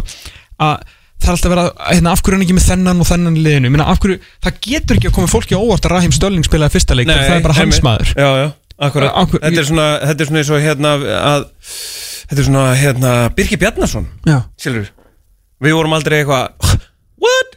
Birki Bjarnason í liðinu? Emitt er bara Birki Bjarnason í liðinu. Hann er í liðinu, hann, hann er bara í liðinu. Og síðan náttúrulega, síðan er þetta allt þetta þú veist, Gary Southgate er mjög framalega uh, þú veist, þegar kemur að data analysis og þú veist, enska, þú veist, það eru ótrúlega miklu peningar í kringum þetta enska landslið og þú veist, það er, það er ekkert, það eru enga tilviljanir þú veist, í þessu, í þessu liðsvali hvað var það, þú veist, hlaupagetu og, og varnarleik og svona því að hann er bara að spila þetta nákvæmlega svo hann allar spila þetta. Og þess vegna held ég mitt að setja Jadon Sancho inn á þú veist, auðvitað vill maður sjá hann. Að, en því ég bara gæti ekki sé að það bara kemur til greina til dæmis í gær. Ég væri með miklu fyrir ekkert held að, að Jack Grealish myndi fá einhverjar, einhverjar mínútur sem hann svo nú fekk en gerði ekki neitt. En ég meina, hann er líka búin að vera eitthvað meittur Þú veist, hann meittist hann ekki eitthvað? Jú, Ég, jú, ég hef aldrei hann, hann, skilið hann kláraði allar mótið sko. En samt við allir fá hann í bara í leik. Ég, ég, ég var eitthvað svona ó, já, ég, ég hef mistað einhverju frétt sko. Nei, Þú veist, það var eitthvað að, að gríli sem hann er búin að jafna sig Ég bara, ég, ég skil alveg að fólk vilji sjá hitt og þetta því að við erum að fylgjast með þessum mönnum í hverju viku en þú veist, Gary Southgate er búin að koma að þessu liði undan og á HM þeir tapa svona einum af hverjum tíu leikjum. Þú veist, hann er alveg, þar til annað kemur í ljós þá er hann alveg með þetta sko. Mm, og eitthvað eh, þú veist, 0-0 á móti skotum í gæri í darbi slag á móti mjög fínu skosku liði sem að lagði allt í þetta og er enda þú veist áttu svo sem að vinna leik. Ég veit að englendingarna voru ekkert góðir þeir eru komnir með fjögur stig sko, og er að tjekka eftir sem að þeir ég, meina, ég veit ekki hvað að tjekkar sér fyrir eitthvað skora á Englandi eins og þau spila núna. Ég bara, mér finnst að Það eru svo góð formi, þriði leikur og svona, ég er bara trúða þeim sko. Þá getur líka náttúrulega Gary Southgate farin að, þess að, hérna, að dreifa álæðinu Herru, hérna var á þessum móti hefur fengið uh, mikla, mikil lof. Bara domkjæslan í heil Já, það sko Jú, jú. Og, og það er hérna aftur. Af, af hverju er þetta að koma eitthvað óvart? Var, Af hverju er ó, óvæn, af hverju er domgæslan góð? Auðvitað er hún góð. Þetta eru bestu dómar Það eru bara bestu dómarinn að dæma. Ef að Felix Brík uh, Þarna hollenski Ah, fuck. Þarna best dómari heims. Já, uh, Og, hérna Ítalinn og, og hérna og hérna Gleima allir sem er tu- Tyrkin hana Kunitsa Kýr og, og hérna Rúmeninn og ef þeir voru allir Þú veist, ef bara tíu bestu dómarar heims Mm. myndu dæma alla tíu leikina í Premier League þú veist, viku eftir viku, þá væri við ekki að tala um þetta sko. Nei, nei en þar eru, þú veist, John Moss og Kevin Friend Já, skilur. Já Mossarinn hann á vínilplötu ekki, ekki. Sko, séð þegar CFR Klus mm, nei ok, segjum þegar Fenerbahce og Galatasaray mætast. Mm, á dæmir Kunitsa Kýr Mhm. frábæla dæmdu leikur. Síðan er kannski Istanbul Basakir gegn, mm þú veist, einhverju einhverju spór, bursaspór mm. heldur þessi sama level á domgæslu þar? Nei, nei, nei, nei, alls ekki. Herru, síðan komið þessu vari. Herru, það var bara ekkert notað framan að þessu móti það var einhver svona möguleiki á vítaspinnu og þeir bara skoðuðu þetta ekki. Og stundu sagði bara er bara og kannski var það bara pjóru viti. Þannig að það var ekkert mála á þetta varið virka þegar það var ekkert verið að nota var. Mm, herru, svo bara er er ég, búin, að- ég er búin að sjá alla leikina, ég er búin að vera heima út og svolítið. Og hérna þeir eru búin að fara tveisur í skjáin og annarskiptið, það er bara 50-50 núna. Mm. þessi vítaspinni gær, hvað var í gangi? Ertu að meina, hérna Þetta er Dejan Löfren. Já, Olbóin Það var alveg ljóst að þessi dómari hætti í sjöunda flokki að spila fótbolta sko. Hann hefur aldrei séð fótbolta leiku á æfinni sko. Já. Ei, Hvernig var þetta vítaspinn? Ég held að þetta fyrst að vera að dæma hendi svo átt að það var að dæma olbúa sko. Mm. og Dejan Löfren var nú útskýra sko. Já, svona eðlisfræði virka þannig að maður þarf svona að, að lifta sér upp. Mhm. og dómarinn bara, ha, ég skil ekki. En ég skil reglubókina. Bú, víti en dómgæslan er búin að vera frábær. Ég er bara að samaskapi ef að allir bestu vardómarnir væru í Premier League þá væri var ekki svona lélitt þar sko. Mhm. en svo er það búin að reynda að koma í ljós að það verður náttúrulega hægt að tekna þessar línur í League í beinni sko. Eins og, eins og var er notað á þessu móti. Frábært. Mhm. algjörlega frábært. Þú veist, það er bara kemur dómur, áfram gakk og svo bara í næst þegar boltið fyrir út af þá svona fáfær maður að sjá hvað eru búin að tekna ég þarf ekki að sjá Jonathan Moss tekna í beinni. Mhm. tekna fyrst hæl, svo tá svo öxl og svo er bara eitthvað. En þetta var líka, ég held að Gary Neville hafi nú hitt naglan alveg ágætlega á höfuðið að því að hérna, þú veist, þegar hann sagði bara englendingar eru búin að flækja mm, þetta var út í allt óendanlega. Og mikið sko. Allt Þeir heldur einhvern veginn að þeir væru búin að finna, sko þeir hefðu fundið upp fótboltum var fundin upp í England, á Englandi Mhm. og hérna þá hlýttu þeir að hafa fundið upp var líka Mhm. bara nei, það var, bara þetta er þýst sko, Þú veist, það er bara það er þýst auga í þessu elska þjóðurana Það eru tvenn sem langar að ræða við en við hérna fyrir að koma okkur út í daginn Já. uh, Annars vegar Genaraga, hérna ekki Genaraga Tuso er Já. 15. þjálfarinn sem að fyrir ekki til Tottenham mm. uh, Þeir ákveða hefði ekki verið af hann En þjálfarinn á undan því Fóboltinn er mjög skrítin í dag Mm. Og þeir voru að fara að ráða hérna Pála Fons, Pála Fons Sega. Mm. uh, Fyrir að þjálfur Róma. Uh, Og þeir vildu fá hann sko. Hann sagði nei. Já. Herru, hann sagði nei að því að maður mátti ekki koma með skattkortið sitt til Lundona Það er bara að því að hann er sérst búin að vera að býra í Róm og hann er einhverjum svona ítölskum skatti þannig að þú veist ef að hann fær miljón þú veist krónur Mm. í laun þá fær hann þú veist 800 skall í vasan ég er bara búið til einhverja tölur þannig að þetta make sense. Mm. ef hann myndi fá miljón krónur á Englandi þá myndi bara fá 600 skall. Hann var svo ósáttur við hvað hann myndi fá netto út af skattamálum að hann tók ekki við Big Six liði í League. Mm. þannig erum við bara í dag. Já. Náttúrulega, hérna Sabi Alonso er náttúrulega fyrsti leikmaður sem fer í rauninni út af einhvers konar gjalderisdóti, sko. Mhm. Þú veist, hann bara fór frá, fór frá Liverpool að því að hann er svona, hm, þetta er ekki, veist, ég er ekki að fá nóg mikið netto betra að fara til Barcelona og fara á listamannulegin Já, Já, ég meina þú það er. Beckham skatturinn er náttúrulega ennþá, uh, það hérna er búið afmáðan í í, í Spáni held ég. Það er það, Ég held það. Það er ekki bara í bandaríkjunum? Mér minnir að það sé eitthvað aðeins búið að laga þetta. En Já, sérst, já. þessi listamann og laun Hvað varst ekki, þú varst bara skatt frjáls í fimm ára eða Já, eitthvað? Þú varst í 7-8 ár. Alveg Nei, ævindir 7-8 prósentum. Já, já, eitthvað bara nána skatt frjáls sko. Já. Það er, það er svo skrítið en, en mjög fegin fyrir hann En verður ekki bara Ryan Mason á hliðalínunni? Shit, hvernig verður það símtal? Herðu, Ryan. Hérna, það eru allir búin að segja nei, vill ekki bara taka þetta? Hann alltaf segir alltaf já. En, Já, já, og ég er bara Þú veist, ég, ég veit það ekki. Ég er svo Mér er alveg sama. Dóttina Já, ég, já ég, ég skil það vel. Þetta er bara svo Þeir eru rosalega skrítið. Þeir eru svo datt mér hérna Sergio Ramos var núna að yfirgefa Real Madrid Sæðist þetta að hafa viljað Já. vera áfram en hann fekk bara eins á samning, vildi fá tveggjára samning og tilbúin að taka þessu launalækun Ég fór svona að hugsa Er Sergio Ramos sko ég held að hann sé án vafa besti varnamaður 21. aldarnar mm. í ljósið þess að hann hefur spilað tvær stöður sko Mm -hmm. hann er heims- og eurumestari sem hæribakurur og, og hérna eurumestari sem miðvörur fyrir utan allt sem hann er unni með, með Real Madrid ég, ég googlaði bara best defenders in, in the history of the world eitthvað. Mm. og hérna, ég setti bara hann það listi sér bara meða við út frá eitthvað þú veist 90min.com besti miðvörur í heimi Beckenbauer er söguna sem sagt. Öðru seti Franco Baresi þriða seti Bobby Moore. Ég ætla ekki að fara að rengja þetta því að ég veit ekki um þess að mennum að þeir voru frábæri aldrei séu að spila. Mm. fjórða seti Alessandro Nesta. Uh, sjötta seti Fabio Cannavaro sem eru svona þetta bara þetta príma mótil að miðvörum sem Já, við þekkjum í okkar lífstíð. Mhm. og síðan í sjöfunda sæti á eftir þeim tveimur kemur uh, Sergio Ramos Já. þegar þú horfir á titlana sem Sergio Ramos er uh, á Já. sem eru svona Nei, svona ég, ég, 15 sinni fleiri heldur en hinni tveir 26 eh, minnir mig að ég talið á í, í á aðtöfninni Já Er Bara fjórir mistardeldar er Sergio Ramos besti miðvör á 20. viðstöðinni? Já, já, bara bæja mæl sko. Miklu- Miklu betri heldur en hérna uh, Miklu betri heldur en Sko næsta Mm. uh, Sko ég var gríðalegu kann að vara á maður mm og eini varnamæðurinn Eh. sem var besti maður heims allavega eh, eins, eins og ég mann sko. Ég Ballon d'Or hana Já. Var hann ekki síðasti maðurinn til að vinna áður en að Ronaldo og Messi byrjuðu að taka þetta? Ég held það. En hérna mm, Það er náttúrulega þannig að með held að vera kaka. Uh, að þetta er 2006 þeir byrja ekki fyrir 2008-2009 Já En sko það er hérna uh, Auðvitað er það þannig að hérna Ég meina ekki, sko Cannavaro var bara bestur og talinn svona öflugur að því að hann vann HM sko, Mhm. eiginlega að leitt og allt það Ég meina Ramos er líka búinn að vinna HM og ef þú ætlar að nota einhvers konar landsliðslógík uh, í barátunum Ronaldo og Messi Mhm. þá eru að gera þetta þarna líka og bara bæja mæl sko. hann er alltaf að skora skora á vítum, skora á aukaspinu, sástu þetta kveðjuvídeó það þryggja mínútna vídeo hann var að skora á aukaspinu þegar hann var ungur og, og hann er búin að gera allt sko. Það er bara málið talað um að vera sko hættulegur í, í vítategi anstæðingar ég, ég vissi að hann væri eins og allir eðvald sko hann var miðvörum með markanef mm.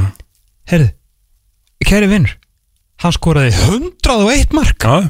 100 það eru framherjar sem spila, hann spila 670 leiki Mm. sko það eru tíur í laga líka sem á að skora færri já. þetta er eitthvað mest að vilja sig sér hann er, skal ég segja ykkur uh, dömunur herrar hvað er þetta, fimmfaldur spánamestari tvöfaldur byggamestari, uh, fjórusunum superkópa, uh, fjórusunum nei, uh, fjórusunum Champions League hann er Europamestari, tvígang, hann er heimsmestari Eh, sko alltaf maðurinn hann er þú veist, instigator, hann er sko the annihilator, hann, er, hann var allt í þessu Real Madrid lið, menn alltaf líka með Peppi sko, að fá rauðspjöld sem að alltaf vera að lasta hann fyrir það, mér finnst hann oft bara fyrir að setja mikið tónin, auðvitað hann sturtaði einhverju leikjum í, í klósetti skilur en, en skilur yfir að karýr 670 leikjum með alla þessa titla og það sem þú gert með landsliðinu. Ég er talað ég, hérna, það er auðvitað romantík í þessum ítölsku varnarjálkum sem að er þú Já, þeir eru já. mótið Mm en Sergio Ramos brauta sko. Já, og, og líka ekki glema ég að hérna, þegar að hérna, uh, það var svona óbóðslega heift á milli Barcelona og Real Madrid. Maður stættir, við varum hættir að horfa á þessa leiki því að þetta voru bara komið út í vittlesu slagsmál og alls konar. Hver steg þá fram og, og náði í píka og sagði við verum að saminast ef við ætlum að gera eitthvað á, sem landslið. Já, einmitt. Og ég held bara ég er nú að fylgja honum á Instagram. Ég, hann er hérna greinlega búin að vera að æfa með Ronaldo. Einhvern í, hvað voru þeir saman lengi, 7 ára eða eitthvað? 7-8 ára eða eitthvað. Og hérna hann æfir ekkert minna. Hann er alltaf æfandi sko. algjörlega. Hann var að taka brekkusbrett í ger Sergio Ramos? Já. Brekkusprettir eru sko mest í döði í heimi Herru, hann allar ekki til Sevilla. Nú segir hann allar ekki heim. Ó, ok. Það er ekki comeback En þannig- fer hann ekki bara, hann verður að fara eitthvað út fyrir landstælina Ég held að- Ég held að fari bara í PSG sko. Það er allan ansi huggi að fara frá Madrid til Parísar. Allir vinna þá ekki loksins Champions League þegar hann mætir hann Kemur nú ekkert vort Herru, ég er að fara í sund Já, herru, hérna Frábært. Uh, Nú skölda mér heim fyrst. Hérna Frábært þáttur á baki. Uh, Við tókum við þetta Pepsi Max Herrum í Pálmarafni Pálmasinni. Við tókum lengjuna Herrum í Stefáni Pálsinni Um uh, fram Virkilega skemmtilegt spjall Það sem að kemur Í lósa það eru krakkarnir Sem að björguðu fram. Í raun og veru krakkarnir í Úlfarsordalum Svo vorum við með Björn Má Ólason Hérna á línni rétt á Til að tala um ítalska Þátturinn Hvað heldur að sé langtang til að fram gera sér gildandi? Það er ekki mörg ári, er, er halda rétt á spilunum en það er mjög erfitt að halda rétt á spilunum en ef þeir gera þá geta það verið ansið svona fljótir upp í, upp í efri helmingin í þessari deild því að það er, það er margt þarna uh, gott að eh, gerast. Þegar við ætlum að hættu í dag, ég og Elvar verðum inn aftur eftir 6 og 28 tíma, þakka til, verið sæl